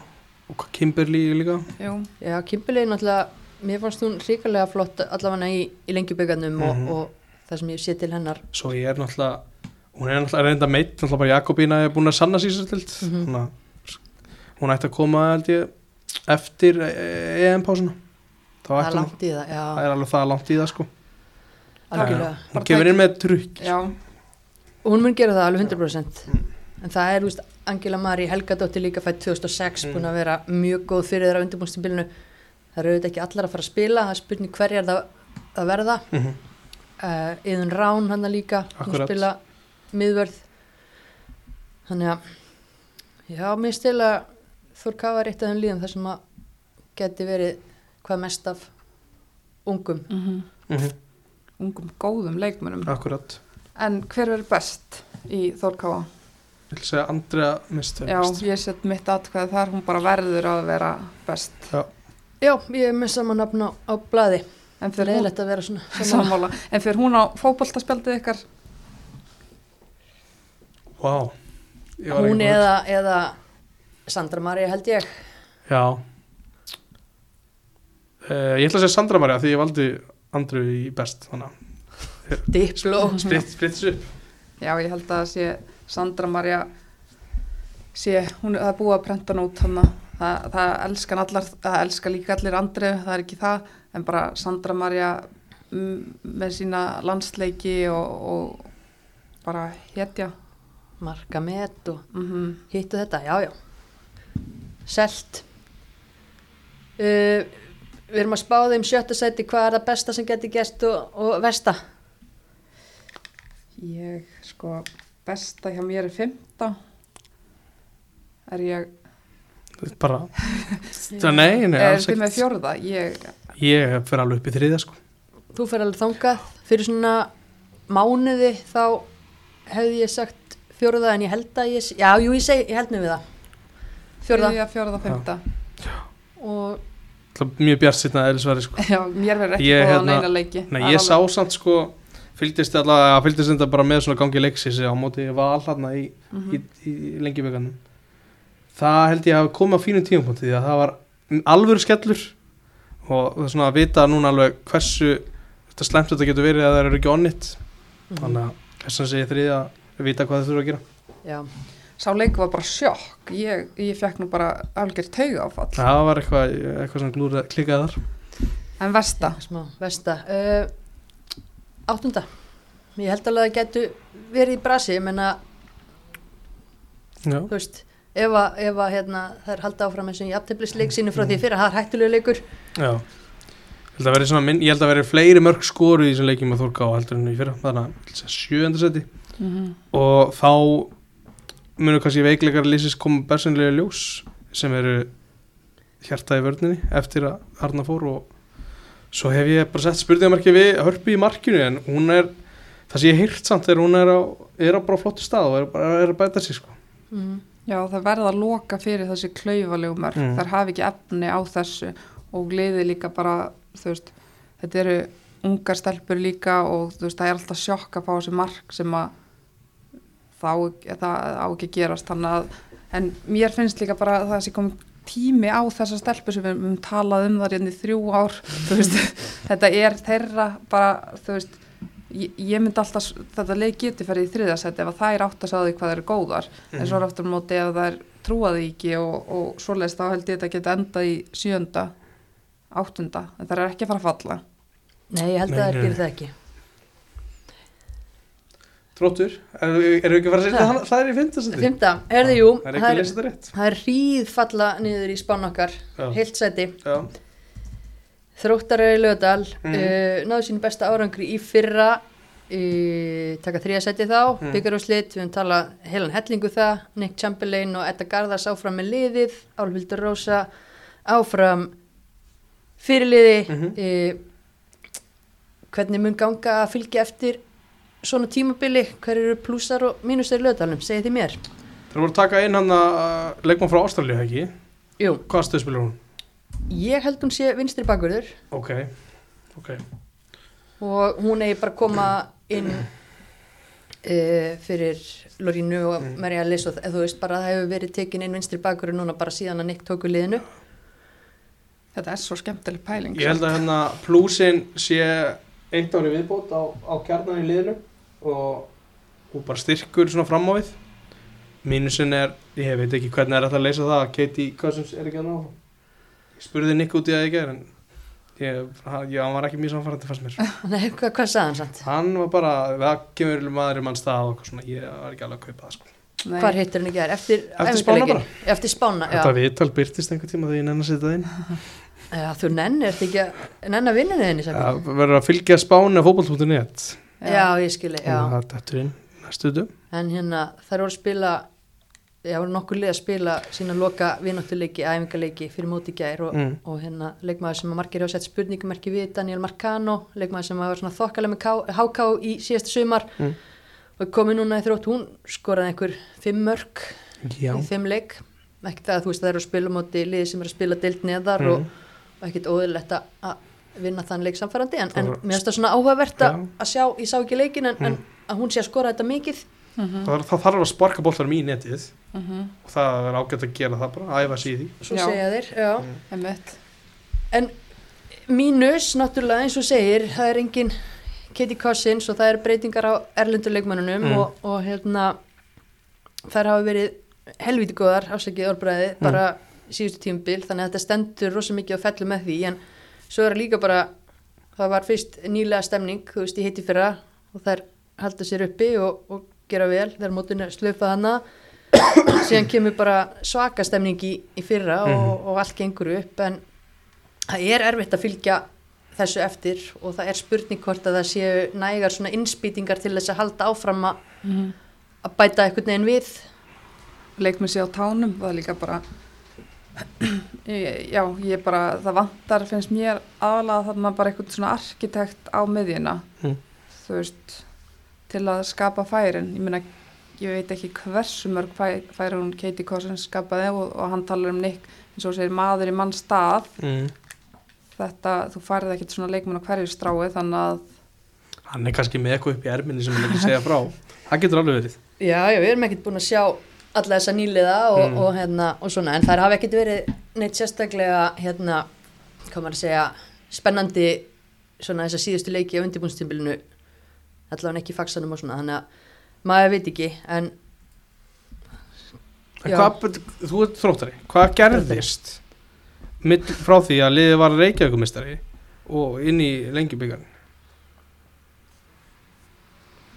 Lengjubikarinn er betra mót heldur en Mm. Reykjavík móti, byrjum á því öðru lagi þá var kannski það að gerast að þróttarar voru með stærri hóp núna og voru búin að náttúrulega sækja íslenska leikmenn Mm. sem var að spila þetta Reykjavíkumót á meðan að undarfærin ár hafa þeir verið að spila á yngri leikmennum bara eins og mörg Mm. Já, hafa verið að gera svo náttúrulega bara að vaksa hóparnir og þéttast þegar líður á Mm. en ekki það ég ætla ekki að taka neitt af þrótturinn það gerði Nei. bara í rauninni mjög vel en það var bara þessi í rauninni valsleikur sem að maður sá alltaf fyrir sér að já, úrslita leikur og, og hérna, hann var bara eins og hann er og, Mm. og hérna, bara virkilega flott hjá þeim og, og að því sögðu líka þá hafa það ekkert verið eitthvað skelving í nei. bara svona einhvern veginn ekki alveg náða, náða fylgja áfram einhvern veginn þeirri vegferð sem að mann svona fannst þær vera í hérna í byrjun ás en, en ég er eiginlega forutnari að, að þú veist, heyra mitt frá ykkur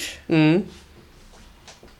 Já, ég mér langar bara að koma með smá overreaction að þess að reyna að fá það gang. Nei, Hvað, viltu að fá að heyra frá okkur? Nei, nei, bara þú veist að því að ég er náttúrulega þekki þetta lið Mhm. alveg vel og búin að fylgjast með þeim í, í mörg ár og, Mhm. og annað og hef bara svona mínar eh, kenningar og svona en þú veist, af hverju erum við að spá þeim í í Um, fymta sæti?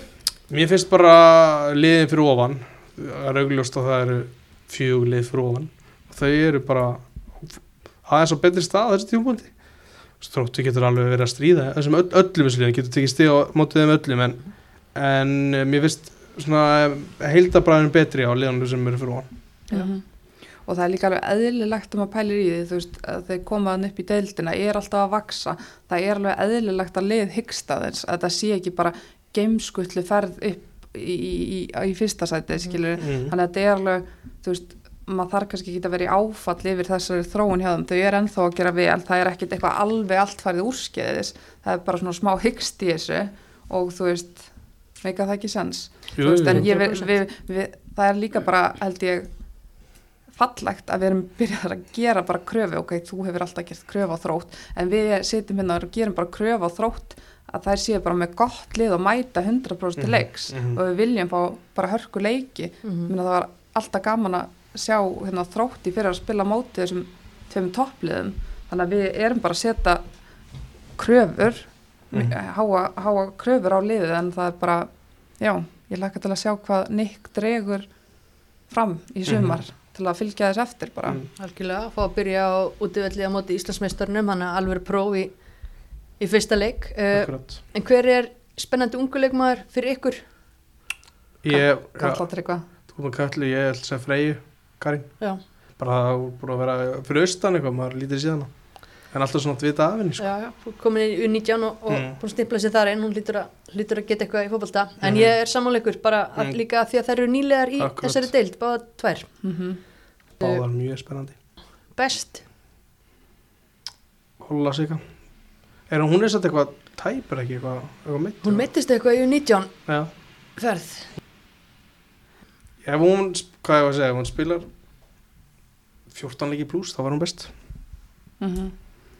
Já, ég var með uh, hana líka og Íristak, hún verður að vera góð. mm -hmm. þú veist, það er bara mikilvægt þannig að það er haldið þessum stöðuleika Akkurat. Þannig að, já. Já, já, vist ég röddina Þannig Já, já, að fór röddinn Hún er búin að halda ótrúlega Já, lengi já. sko, en já, já. Uh, stjarnan, hver er, hver er hérna, hver er að fara að plakat? Ég held að það sé bara gefið að Óluf Sigurði er bara típan, þessi típa og hvernig hún fagnar mörgum, hvernig hún er í viðtölum að þetta er bara hátíð að fá hana á, á það myndi, all, það myndi allir í laugadalum og jafnvel valsar líka kaupa sér Já, er pakka, ekki? jú, mm eða bara fyrirlin, Ólfur Já, já, ég var líka, þú veist, bara af því að þetta segja hvað annað. Já. En Ólfur sér klálega bara nummer eitt mm Við erum að setja þær í fymta, það er Já. akkurat bara í, í, miðjunni. Hvað er að besta sem getur gerst á vesta? besta Nutti bæða okkur ennið niður bara lút. þriðast, þriðast þetta skilur það er bara ef að finnst hérna þessi mið lausna þessum á, á fjárveru geti í rauninni og tala um fjárveru, hún, ve hún verður ekki þannig að einhver sem kemur inn og sýnir svipað Mhm. um, það mér finnst það svona eiginlega vera bara stærsta. Já, þriðja Já, Fjórða hér, fjórða hana við erum ekkert að lappa neitt hátt upp trappur hér.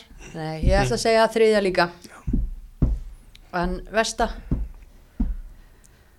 Það er svona, tíundasæti, nei hérna sjötta sæti, ég ætla bara að setja eitt niður. Ég segi sjönda, það er eins og eitthvað komið fyrir í mig, ég er svo vond, eins og ég er svo vondu skapi hérna. Ég segi sjönda. Erum, já, já. Já, það ég, getur alveg, þú það er ég er sammála huldið þannig Ég bara á erfitt með að átta á þessu akkurat núna. Má ég breyta úr sjötta? Ég ætla að segja Þegar ég bara, þú veist, ég fór aðeins að hugsta Þú veist, Ólöf Sigurður, ef- segjum bara hún séð meitt og það verður eitthvað brasa að skora brasa á miðsvæðinu.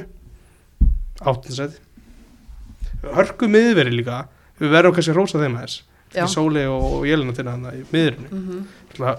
frábæri varnamenn en það verður að vera eitthvað fyrir framann klárt. Já, ég meina eins og þú sagðir hún skora fimm mörg í gær.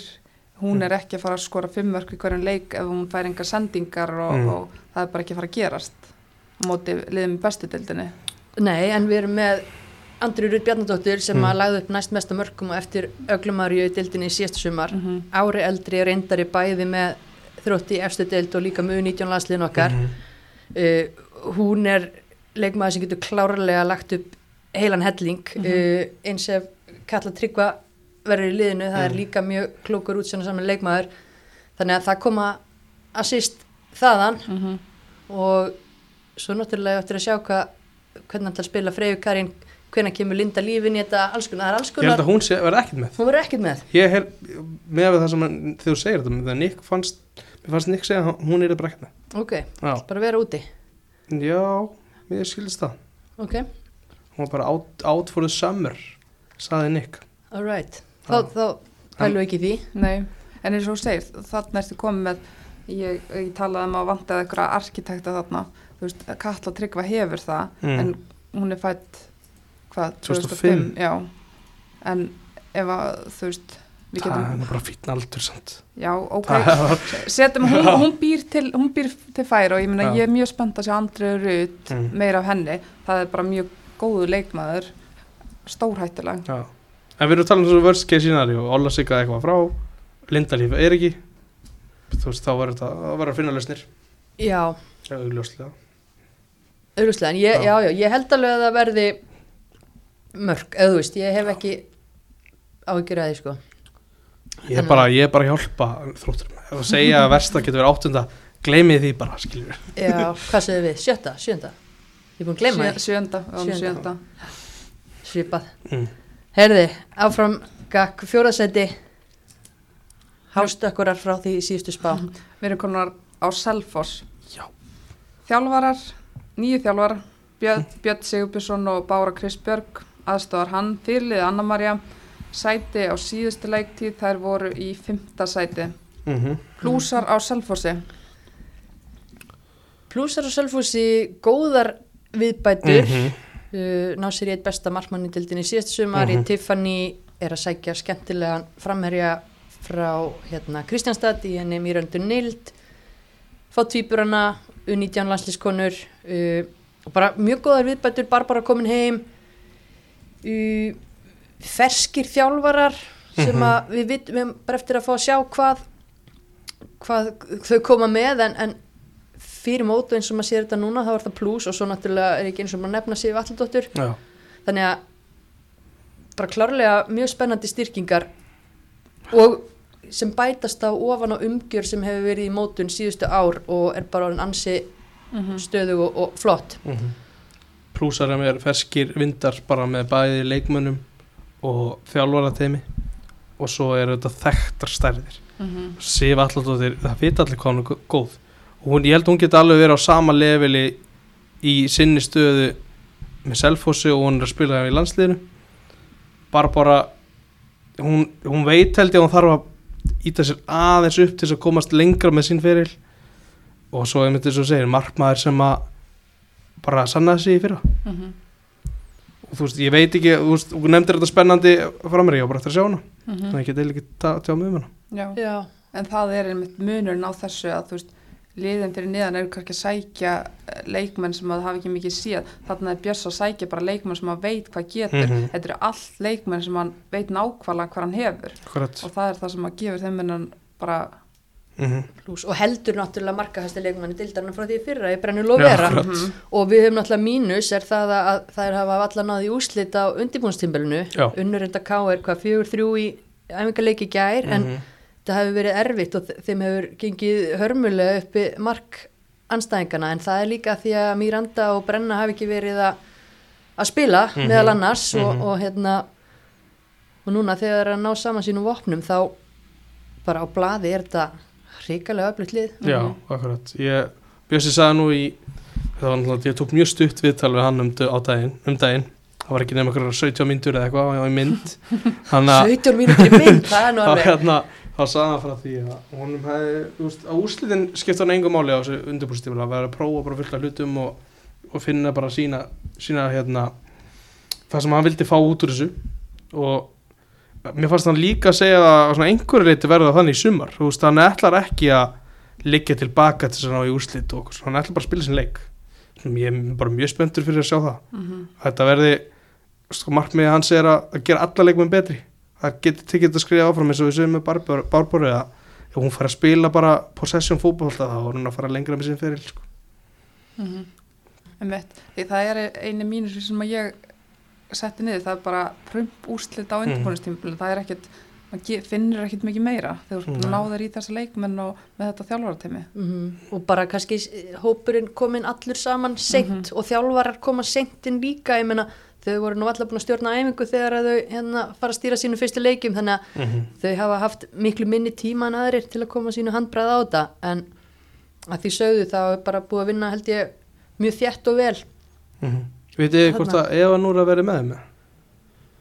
Alltaf það sem að ég, ég skildi það var að það með mjög óljóst og bara ólíklegt. Mm -hmm. komin eitthvað, eitthvað ég held að sé eitthvað eitthvað, eitthvað, eitthvað læknir eitthvað ég bara veit þetta ekki nógu vel get en hún er alltaf held ég að vinna í svona heilbreyðskerunum og en ekki hjúgrunnar já, já, hvað svo leis og það bara sé alveg, er alveg óvist hún, hvort hún verður með eða ekki já. bara sögum Anna í vinnu það er missir í henni, það er algjör Al- algjör mótur á miðjum sko. Mhm. Mm Algjörlega og það var líka kannski það sem við töluðum um sem mínus hérna, að mér minnir síðast eða þar síðast eða eitthvað að það kannski einmitt, við erum að tala endalust um Katie Cossins og hver ætlar að skapa fyrir þrótt, af hverju Mm. erum við ekki að tala um hver er að fara að skapa fyrir Selfoss? Að því að þar eru með leikmenn sem geta klára færi sín vissulega en ég myndi hafa meira áhyggjur af því á Selfossi heldur en í lögadalunum sko þessu creativity. Að búa þetta til.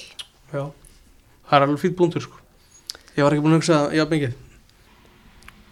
Eitthvað með svona að því þú segir, með þetta svona jafnari uh, gæðin í leikmannahópnum hjá Selfossi án þess að gera neitt lítið úr einhverjum í þrótti þá var bara svona klárt hver var best á vellinum eiginlega í öllum skiptum fannst mér mm. bara, kannski var ég að hitta bara akkurat það leiki sem að Katie var bara geggjuð sko. hún var náttúrulega bara topp þrjú leikmæri í Mm, deildinni þannig að það er mjög erfitt að, hérna bara dálegast í gjafinni sko Mm. En hún gerði hérna líka leikmenn í kringu sig líka Betri, betri, þannig að Já. það var það er kannski líka það sem að við munum sakna En það er klárt spurningum ekki hvernig ætlaði að búa til eitthvað hluti af því að þe þeim hefur ekkert gengið að Mhm. skora mm þanga til greinilega í gær að skora hennar fjögumörk og, og svo var einhver æfingarleikur sem að það er unnu þróttið mitt þá var brenna farin að skora Já. þannig að, að við erum ekki búin að sjá þá leiki það voru æfingarleikir á selfhúsi þannig að við vitum ekki hvernig mörkin eru til. Er búið að setja staðfest, staðfest við hann og Hólmfríði verið ekki með það. Nei það kemur ekkert.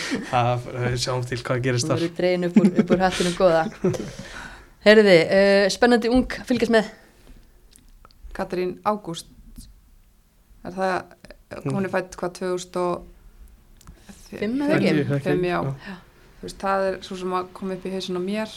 Mm -hmm. um, fleiri Áslaug ungar. Dóra er, er alltaf ung já, Já, já. hann er búin að tala um hana líka alltaf hverju ári Ég held að hún verið geggjuð sem var Hlín og Sif Já, það munið bara smetla fullkomlega sko. mm mm en hver verður best? ég sé- sagði brenna Segja, þeirra getur ekki meir, Miranda sem hann náði í hérna frá Miranda Nild, Já, vil segja hún verið best Ok. Þú veist eitthvað sem segir mér að, það sé að ná í hann og það sé ykkur ástæð fyrir því. Ekki Já. að það sé, það er alltaf ástæð fyrir var nú öllu, ekki alltaf að starta svo sem í Kristland en það væri þá kannski heldur ekki að koma til, til Ísland sko en ég ætla að segja Sif. Já, Mhm. ég þú ætla fyrir bara beint til landsliðskonuna og það er mjög bara solid frábært val. Já, ég held að uh, Stjarnan, Stjarnan í... hver fyrir vegg í mathöllinni uh, Barbara, ég ætla að segja það Já, það er endar gott. Hún er þetta þarna að spjald, setja á spjald? Já, Já, það er líka hægt að kaupa plaggat eða ekki? Af Barbaru á heimavöllinum full að ferða áfram með það. Já. til í það. Og Sif.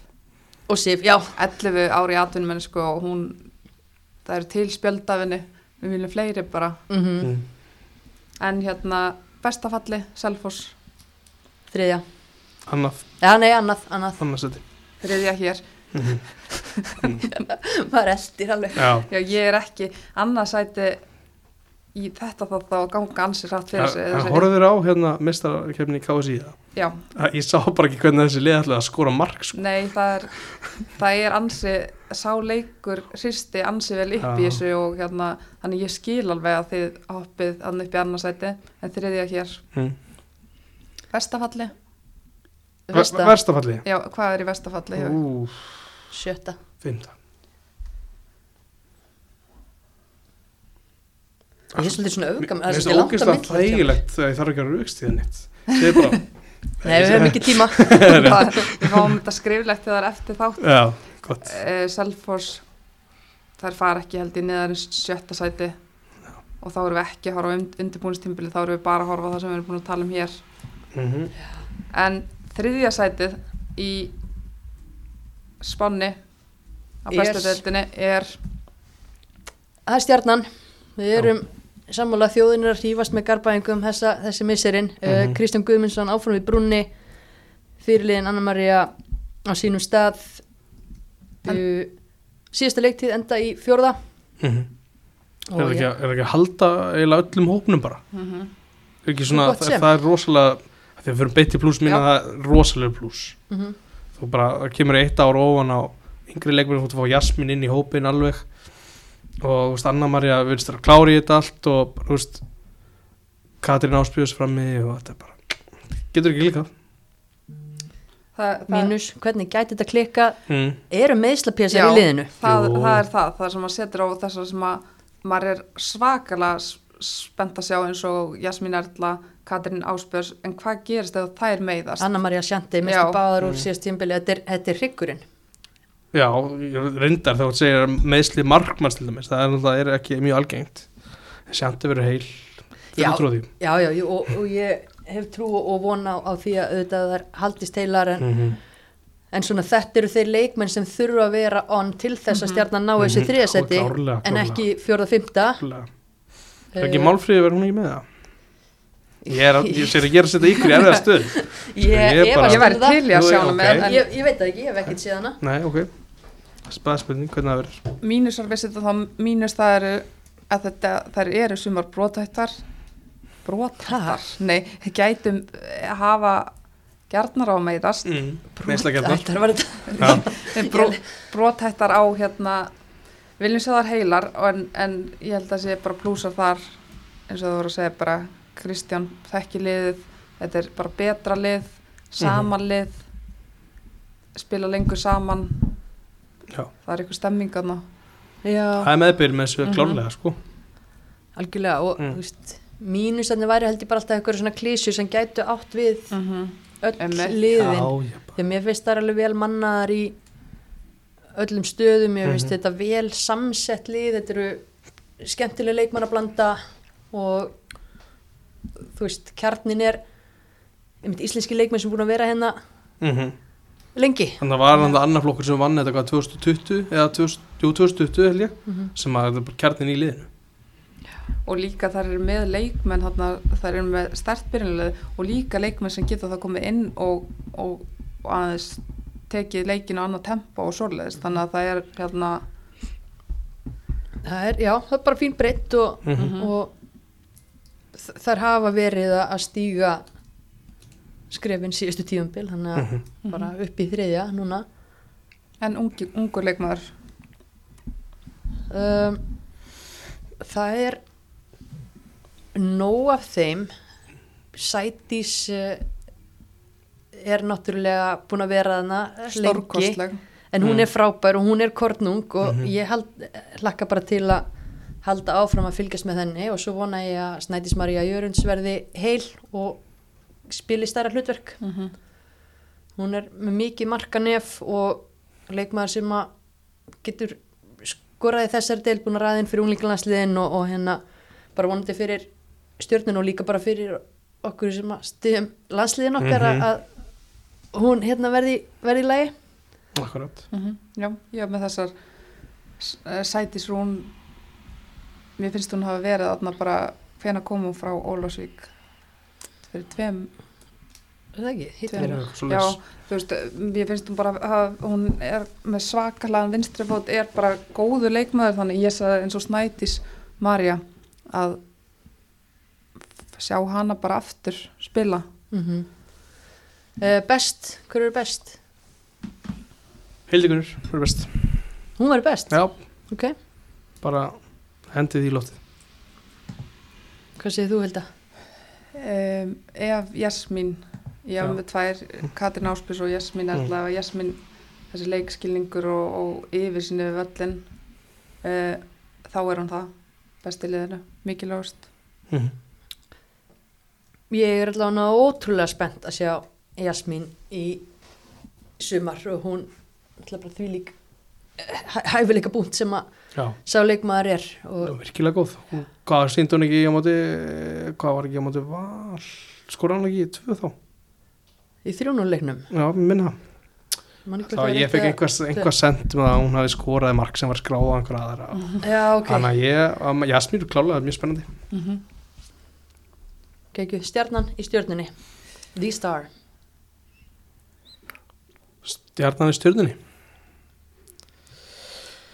Já, þú mátt svara sem sjálf bara ekki?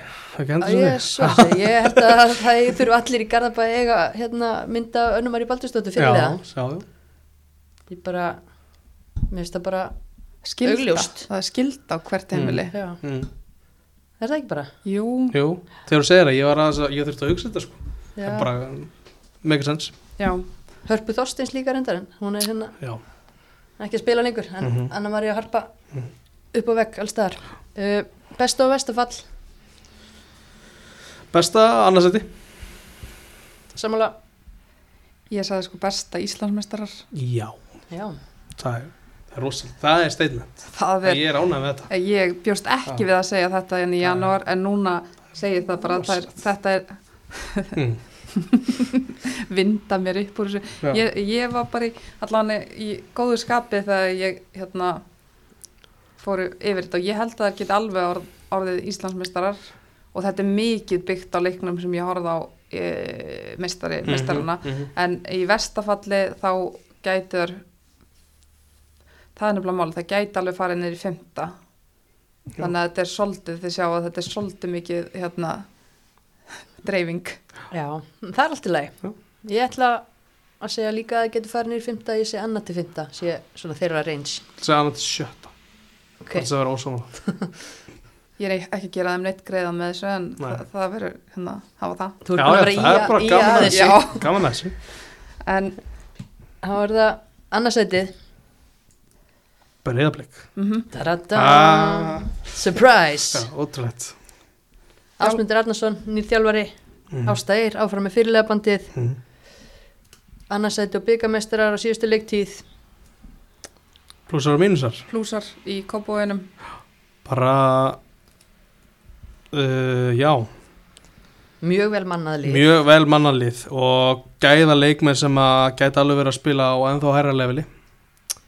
En um mínusarnar eru hins vegar allir þeir leikmenn sem eru farnir finnst mér, þú veist alltaf að horfa á fortíðina, þú veist þetta var ótrúlega vel mannalið, þú sér það á hvaða sérst, erlendu félög er að taka leikmenn, talum Hekken talum Brömbi og, og Rosenborg, þetta eru bara stórlið og það, það, það, það er eftir að sakna þessar leikmenn held ég.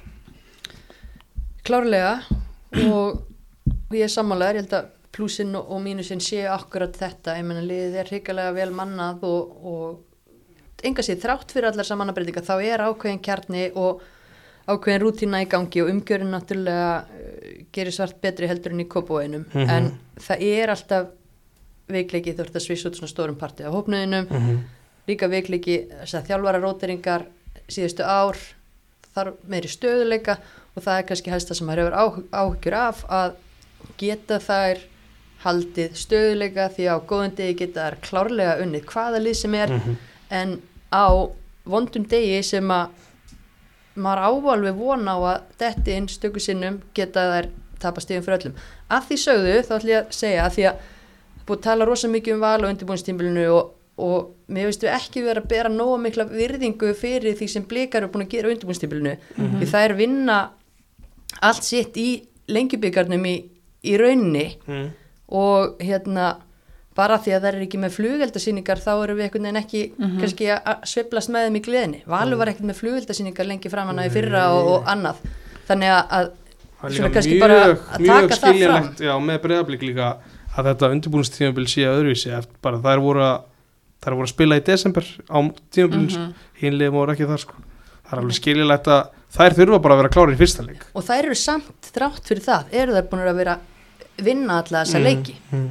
Nefn, en það gífulega vel mannlið Ég Já. held bara að þessi frekar það að breyðablík, þú veist, þær hafa spilað svo skemmtilega fótbolta undan fyrir ár og, og við setjum þessar kröfur á þær, við viljum bara alltaf á fjör þegar við það já. á mörg og þetta, að það er meira, þú veist, við vitum held ég alveg hvað þær geta, mm. það er bara svona kannski auðvitað má hrósa þeim fyrir þetta langa tímabil og þetta og það er alveg rétt við erum kannski full harðar á hérna, þú veist, það er ekki bara við já, almennt fjölmiðlar, bara já umræðan En svo er aftur á móti, þú veist, hver á að skora mörkin?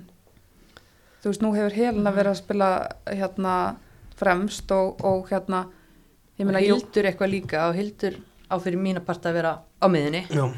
Tók, voru ekki að taka einn leikmann sem var ekki komið leikameld í jú, mm uh, og það lítur að vera sender. Jú, jú það er Melina, sendir, já. Melina Ayers frá Mhm. Ástralíu Mhm.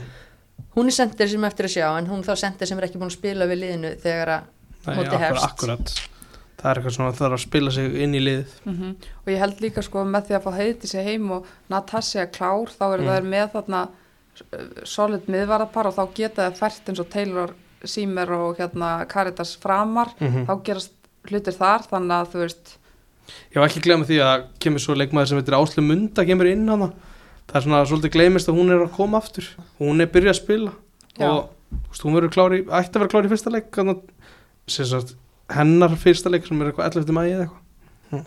sem er bara, og hún var alltaf frábær í þessari deildi fyrra já, já, við þurfum ekki að tala Nei. um það hún er bara það stundið það er bara svona, það er einhvern veginn eins og það sé samt leikmaður sem er að koma inn aftur ég get alveg sagt Mhm. þetta, ég var búin að gleyma því. Já, þannig að ég hef bara þú veist að fá hana það setur hlutina í svolítið annað samhengi svona með við það sem að við sáum sóknarlega til dæmis á móti val mm. fyrir nokkrum dögum þannig að er ekki að tala um bara bestu vinstri löpunni í deildinni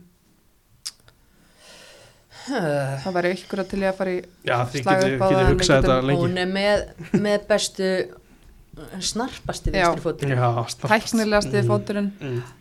en á góðum degi klárlega topp top leikmaður í sér deild þannig að það er, það er gott vopna ég upp í erminni og vonandi bara heldur hennar vegferð áfram, hún Mhm. er fann að spila úti Já, já, akkurat Hún er, hún er að komast í takt sem að er bara mjög jákvæmt það er mjög Mhm. bara Já. fyrir okkur og landsliðið og Klárt allt en það hefur alltaf verið talað um hérna, fjöldaframlýslu og ungum leikmunum í Kópói hver verður spennandi ungu leikmaður að fylgjast með því að þeim í sumar Hún sprakk svolítið út kannski svona lóksýstifl sem verður Vigdís Lilja Mhm. -hmm.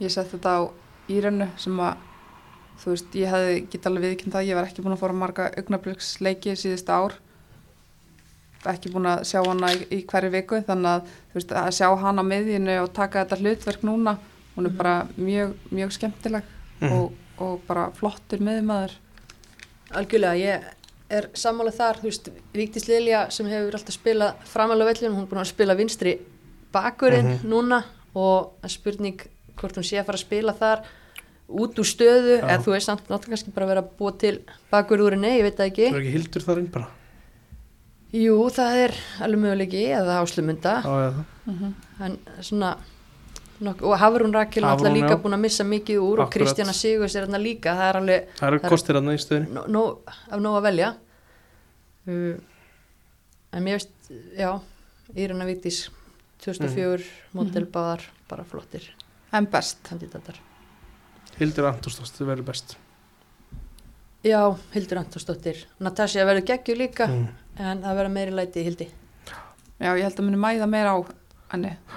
Ég mæli með viðtalið sem mun byrtast við Hildur Antostótt á næstunni. Það kannski er ástæða fyrir að ég sé að segja þetta. Ok, Já. þá fáið þið nánari raukstuðning uh, þegar Já, mér viðtalið finnst hún byrtast svona að segja bara hengt reynd út. Ok, Mm. til já en hérna, stjarnan í breðablík Á- Ástæðir, já, bara plakkat bara strax. Ok, Hilda ég segi Telma Ívars. Þetta er bara eh, típa því lík þegar hún kom í viðtali hérna til þín. Þær kom tvær, hún og Agla Maria já, Mm. bara þetta er sk- skemmtilegu karakter og hún er bara hún er stórkostleg. Já, mm. já, ég vil hana. Viltu þá svona talandi plakat? Já, ég vil eh, fá svona hljóðdisk með. Þegar maður hérna setur plakati upp þá er að spila eitthvað góðan bútu viðtalinu. Uh, Eitt með breyfliki er svona aðsverð að reyna að hlera Rakel Hönnudóttir. Já, hún er ekki hún er ekki búin að taka ákvörðin hvað hann ætlar að gera? Ok. En ef hún spilar það, hvað er að breyflik Þór Ká það er einhverju lið sem kom til greina? Já, ég held að það er alltaf blikar, býr hún ekki ég held að, jú, ég Kópavogi? ætla bara tengi ekki norður sko, ég er alltaf bara að reyna að búa til eitthvað að vissin sko. já. Fyrirsagnirnar. Já. Ah. en í bestafalli ég sé ekki, það verði Íslandsmeistarar. Ég, bestafalli segja bara Íslandsmistrar já, ég segi það það er bara upp með eitt sæt já, ég, já, ég sé Ætla- það ekki en já. ég ætla að segja það samt, Mm. hitt er leðilegt Já, bestafalli, þriðja. Já þriðast já, ég held að fara ekki neðan að þriðja. Mm. er, getur orðið Íslandsmeistarar en þriðja? Fyrsta til þriðja, já.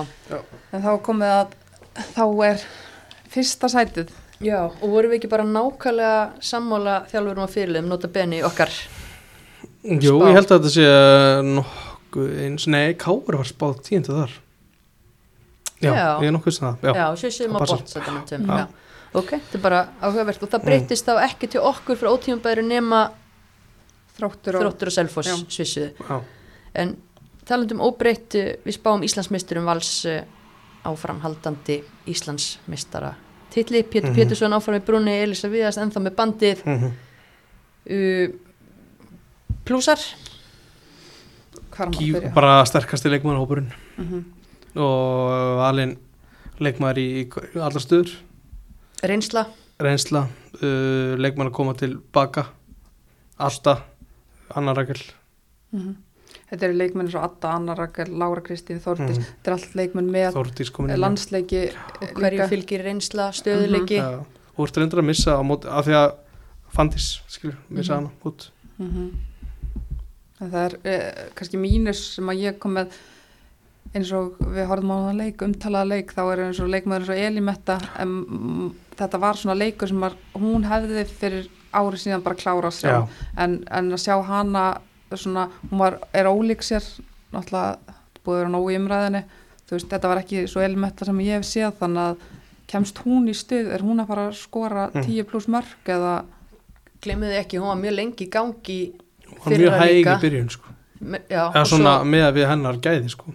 Já, hún, mér finnst hún reyndar að vera að spila allt í lagi fyrra en, en Mm. mörkin voru ekki já, þetta akkurat, já. hún er náttúrulega ekki búin að vera að æfa mikið núna og er Mm. ekki komin í sitt besta form en hún er aftur móti líka leikmaður sem er fljót að komast í Mhm. form Mhm. þannig ég hef ekki brjálar áhyggjur en ég er sammála að þessum tímpunkti er það veikleiki og svo er líka eins verið að tala um að, að náttúrulega þjóðum að tala um hvað það er að hafa mist og, annað, mistu fantasíu en mistu líka Mary Alice, vinstri bakvörð og, og við vorum kannski ekki alltaf kátt með hana í fyrra því að fannst hún kannski ekki eins góð og hún hefði verið með þrótti og, og hérna, lengi gang líka mm. en hver er, það er engin pjúra vinstri bakurur sem að valskonur eiga eftir Það er með, Anna Rakel spilaði þetta þessi síðasta leik hún getur spilað þarna Já. Malla getur spilað þarna mm. og það er bara spurning þú veist, persónlega ég er mjög hrifin að bæði báðum þessum leikunum sem nefnum en mér Mm. finnst þeirra besta staði ekki vera vinstri Nei, nei. bakurur svona, og Anna Rakel verið vantilega aðeins framar á vellinu með að vantar þar sko. Þannig að Malla getur spilað fleiri hann Já, þannig að þetta er bara svona einmitt vanga veldur og svo var líka aðeins talað um það í fyrra að, að mann fannst hlutinni gerast og hægt eða sóknar uppbyggingarnar og annað vera hægar og, Mhm. og þú veist, ef við horfum bara á annan síðasta leik þá getum við alveg svona Ég held að það getur áframhaldandi vandræði sko, en ég held að sko núna þú harkar inn bara nógu margar hotspinnur þá ertu að fara að skora slata mörgum annars sko. það er svolítið þannig og það sem það er að mist er líka bara bestið spinnum að dildarinnar Dóra Marja Lárusdóttir það, er að- það gleymist það sko. ef hún var geggjuð í fyrra sko. Mhm. og hefur náttúrulega verið geggjuð bara í lengri, lengri tíma Mhm. en það er einhvern veginn svona það er ennþá undir ratarinn, hún er ekki áfram sko og hún var alltaf inn á í þessu liði á miðinni gífulega mikilvæg leikmar mm hún var næst besti leikmæri þeirra að mínum mati Já. í fyrra Mhm. Mhm. eða jafnvel best, eða þú veist bara Mhm. Já, vissulega mikið mist, en Mhm. mér finnst það samt vera best ég er sammála því mannaðar og þá ekki bara, einstaklingur á móti einstakling heldur bara svona sem heild og, Bara og holning náttúrulega, einhvern já. veginn svo þú færð brindisi þegar hún fyrir gang ég veit ekki alveg hva, hvað er að hrjá hana það eru ökla Já. Já. svo þú veist stóra spurningin er líka með söndru hún ætla bara að vera mitt í, í vetur þá auður er- sem á kannski að bakka hann upp er líka mitt Mhm. er að koma tilbaka þetta er, ef þær verða eitthvað frá á sama tíma þá getur hann orðið eitthvað búrtispil sko. Mhm. en var ekki Sandra bara ekki bara stílinn á að Jú, getur verið, er sig bara rétt klár og- núna vera klár. tómslandi sko. Æ, var rétt já, sennilega En, spennandi ung já, í val er einhver ung að fara að er ekki spila Sigriður. Sigríður. Theodóra það er akkurat svo sem við erum að reyna að muna namna klárlega hún líka landslískona, fætt Mhm. 2005 búin að vera að spila undirbúnismótið Eva Stefáns líka fengið að spila mínútu þar en Mhm. svo spurning haldast þær í liðinu þegar að- að leikmenni svo Adda og fleiri er að skila sér tilbaka segja nei, en ég held að það fóðu samt alveg mínútur Mhm. þannig að ég held að vera ekki í byrjunulíðin samt Nei, en svo getur það að vera bara kjátaði Mhm. ég veit náttúrulega ekki neitt sko. þú veist náttúrulega ekki neitt uh, jú, ég meina eh, klárlega, þetta Já. eru hérna, þetta eru þær þeir ungu leikmenn, hefur hann talað um undir 20, mm Mhm. Ítamarinn er 20 hún er ekki lengur ungu efnileg en hún er bara góð Mhm. og hérna þá eru þetta leikmenn sem við erum að horfa á já, já, kannski aftur með söndru hún hefði náttúrulega Fanny hefði aldrei verið send á lán held ég ef það væri eitthvað spurningum ekki það er vitalega Já. að hún er bara klár hver verður best hjá þeim í sumar? Ég held að verði hérna Ídamarinn Ég Já. held bara, þú veist hún, hún er búin að, það er flæða rosalega mikið hún og Ástís þarna í hólinu og kantinn og hún er bara svo óbóðslega góð í fótbolta eina sem að kannski finnst mig langar að sjá er að hún setur bara aðeins kassan út og, og sjáu hvað hún er góð sjálfa, hún getur bara borið henn á sóknuleik Mhm. þú veist um, hún skapar rosalega mikið uh, hættuleg. Það er bara eins og hún átti sig ekki alveg á því hvað hún er rosalega góð. Mm ég held að þetta verði besta vörðinni dildinni og ég held að Arna Sif verði best. Já, Já, ég var ekki til í að vera varna með að dekka hot þarna, Nei, þú veist, bara, sjá, Mist, Örnu, Láru Kristínu. Þetta vörðin verði svolítið besta sóknin þessi klísja, þetta inn gæti verið. Með hörku miðvara bara hann sem að geti skilað en fullt af mörgum hvað á þetta miðvar bara að geta skora mörg mörg úr fyrstu leiknættunum í sumar. ég held að línan er svona tí og það er bara blús og mínus hvort vilur Já, er það ekki bara tíu og þær saman já, Náttúrulega engin Dóra Marja lengur til að taka hotnin hann þurfa Mhm. að, að finna, finna út úr því ekki það að nóa mjög góð spyrnumanniski manna já þannig að það er svo sem ekki vandamál Find, send, send, sendu boltan bara nála þeim og það er vinna boltan sko. Það Já. fljúa á þetta. Ég ætlum bara að taka undir þetta með ykkur með bestu leikmennina. Ég Mhm. held að, þú veist, mist tók þetta í fyrra þannig að Mm Arna Sif bara setjum þetta hana í, í sumar. Ég held Mhm. að Íta Marín mun eiga sitt best tímbil líka. Stjarnan í liðinu? Í, ég ætla að segja Íta. Já, þú sagði hún er best þannig að ég segja hún núna. Íta og plagatið Ég ætla að segja Sandra Sigurðardóttir. Ok. Já, bara fara inn í tímabil nú með hvað 22 Mhm. eða eitthvað held ég og ég ætlaði að segja, en ég ætlaði að segja Elísa en ég er alveg seld á söndru út af því að þetta er bara, veist, hún er líka svo mikil fyrirmynd fyrir fullt af ungu markmannum, maður sér Mhm. það bara, það elskan allir. já, og hún líka bara búin að hún er lang leikja hæsta, hæsti leikmaðurinn í þessari deild Mhm. og, og bara orðsporið og legendið þú veist sem að hún mun skilja eftir sig ef hún einhvern tímann hættir og hérna er ekki upp í 30 ár Hún á nóg eftir sko. já, það er bara Nóg þannig eftir. þá er það bara, þetta er bara fyrir sögubækunar 100% Mhm. og mælu með því að það er fólk rúndar hérna horfa í átt að klambratúni og, og Ok. sjá það búið að setja svona markin í strætóskili og þar er Sandra Sigurðardóttir í vörslu, geggju auðlýsing fyrir Ég held að vera einhver met umferðarna á morgun þegar þátturinn þetta er inn eða hvernig sem það verður sko. Já, bara fara varlega lappa frekar frá miklatúni ekki vera að stoppa Nei, og taka myndir út í bílnum, það er ekki gott. En endilega þið farið þarna þá með takk okkur á heimavöllurinn á Instagram. Það væri gaman. Já, tóts. En, en hérna í besta falli, Það er bara Íslandsmistarar og hvað ég var að segja? Fullt úr stiga. Já, Íslandsmistarar og áfram í riðlakefni mistaraldur Já, og byggamestrar og byggamestrar en í versta falli, annars þetta já, Annars sæti. annarsæti, það fara ekki niðar en það. mm -hmm. Nei. Og þá líkur þessari yfirferð og spá. Þetta er að skella á. Nú er bara líðan að, að sanna, að afsanna þessa spá. Uh, Smá hérna í lokin Hver verður best í deildinni? Heilt yfir. Þetta er hraðaspurning. Arna Sif. Arna Sif, Hulda. Uh, Ídamarín, Já, það er bara Origo Já. drottningarnar, ok. Hver skorar mesta mörkum í deildinni í sumar? Markaðist. Já, Elimetta Elmetta, já. Ég held að hún rökku í gang hvort sem að verður eftir já, núlumferðir eða fimm og verður markaðist. Ef alltaf að fara, ef spáin okkar er samkvæmt plani, valur Íslandsmeistar og verður hún markaðist. Mm -hmm. Og Ídamarín dælir á hana. Ok, þá skulum við taka eitthvað svona sem er ekki alveg eftir rútínunni, hver verður skemmtilegust í viðtölum?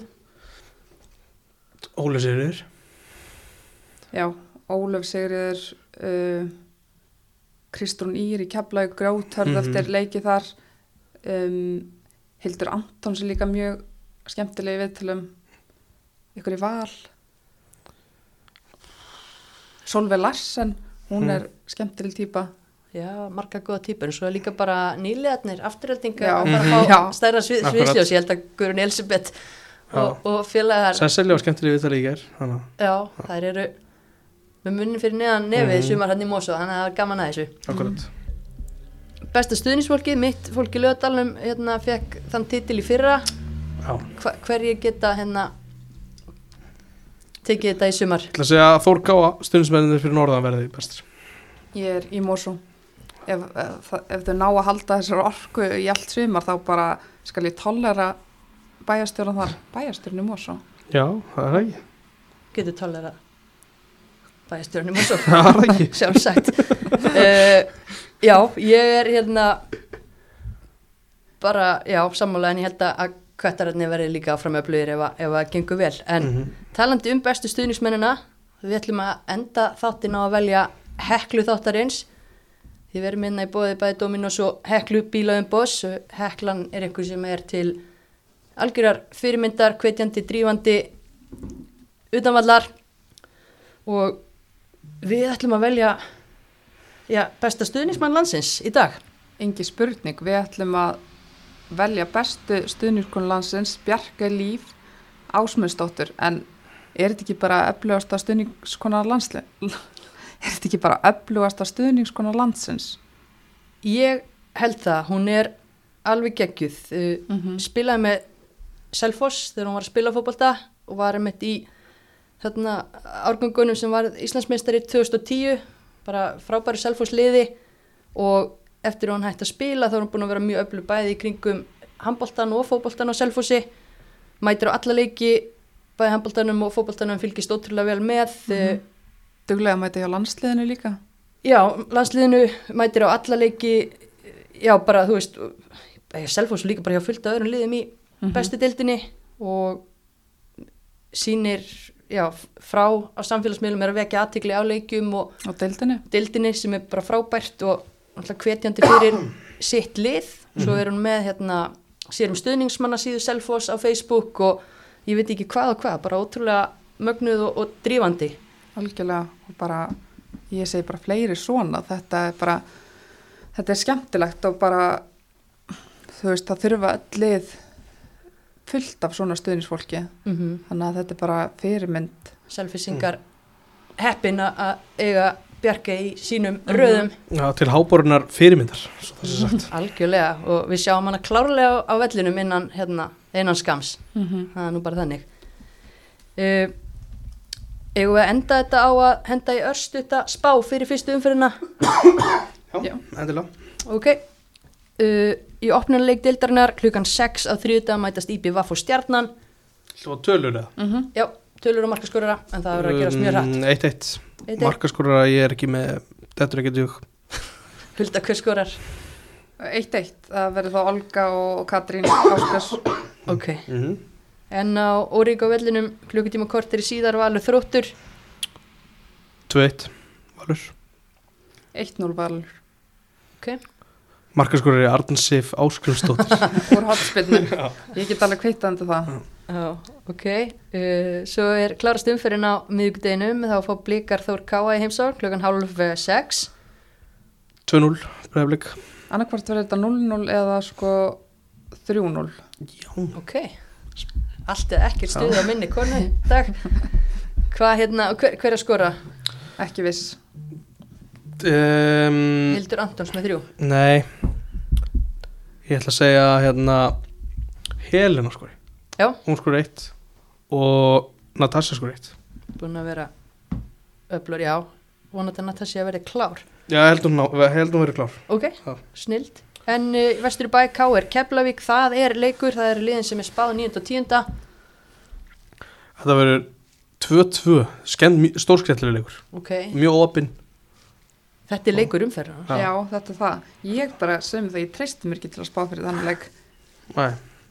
Ég, það var hérna, hvað fyrir, já, þar fylgir og Keflavík mættust fyrir tveimur árum, það var, já, það var bara svona blóðugur, það var þetta nýlega slæði þar, en ég sé fyrir mér jafn mikið blóð á tönnum, ég veit samt ekki með 2-2 í mörgum, sko, 1-1, Æja, já, en Ég eh, vildi fá okkur fjör, já, svona er þetta það er að vera fjör, það verða rauðspjöld Já, og það já, verða, já, gleði. alls konar hasar og mörg verða dæmd af og, mm. hver far rautt? Vá Þarna uh. mist þar að segja að hún hendir auðvitað spjaldi í spána sína það verður einhver þjálfaratímanum. Já, hann, vári, villist, villist og umferðin er líkur í Mosó nýlegar Mos, eða, ný, nýlegar afturhaldingartakum átti Selfoss hvernig fer það? Vá, ég- hann- ok, þetta er 22 leikur Þetta verður geðvögleikur Allir að mæta þarna. Selfoss, það er, ég held að við erum múin að finna svona ákvæmna lausnir á sínu leik og, og, og afturhalding verður, það verður hörku stemningarna 22 ég segi 3-3 Já, Wow, ég segi fjögur fjögur Já. já. Það- Nei, eða þetta, hún hérna Tiffany og Eva þar er ekki að fara að fá sér þrjú mörg þannig að við eh, eitt eitt ok, og fljóta skipta. Mm. já já, það er alls konar. Við sveiflumst í þessu eins og, eins og pendular og getum ekki beðið eftir að þetta fjör hefjist á þriði dag hvetjum öll til að mæta á völlin Mhm. á alla leikina bara. Eins og því bara, já, Já, eins, og, eins, og, eins og hvert okkar getur. Mhm. og já, sjáumst við ekki bara á vellinum? Já, það ekki. Heldur betur, nú er heldur. sumarið að byrja. Takk fyrir að koma Sæbjörn og takk fyrir að hlusta. Góða fólk. Takk fyrir að fá mig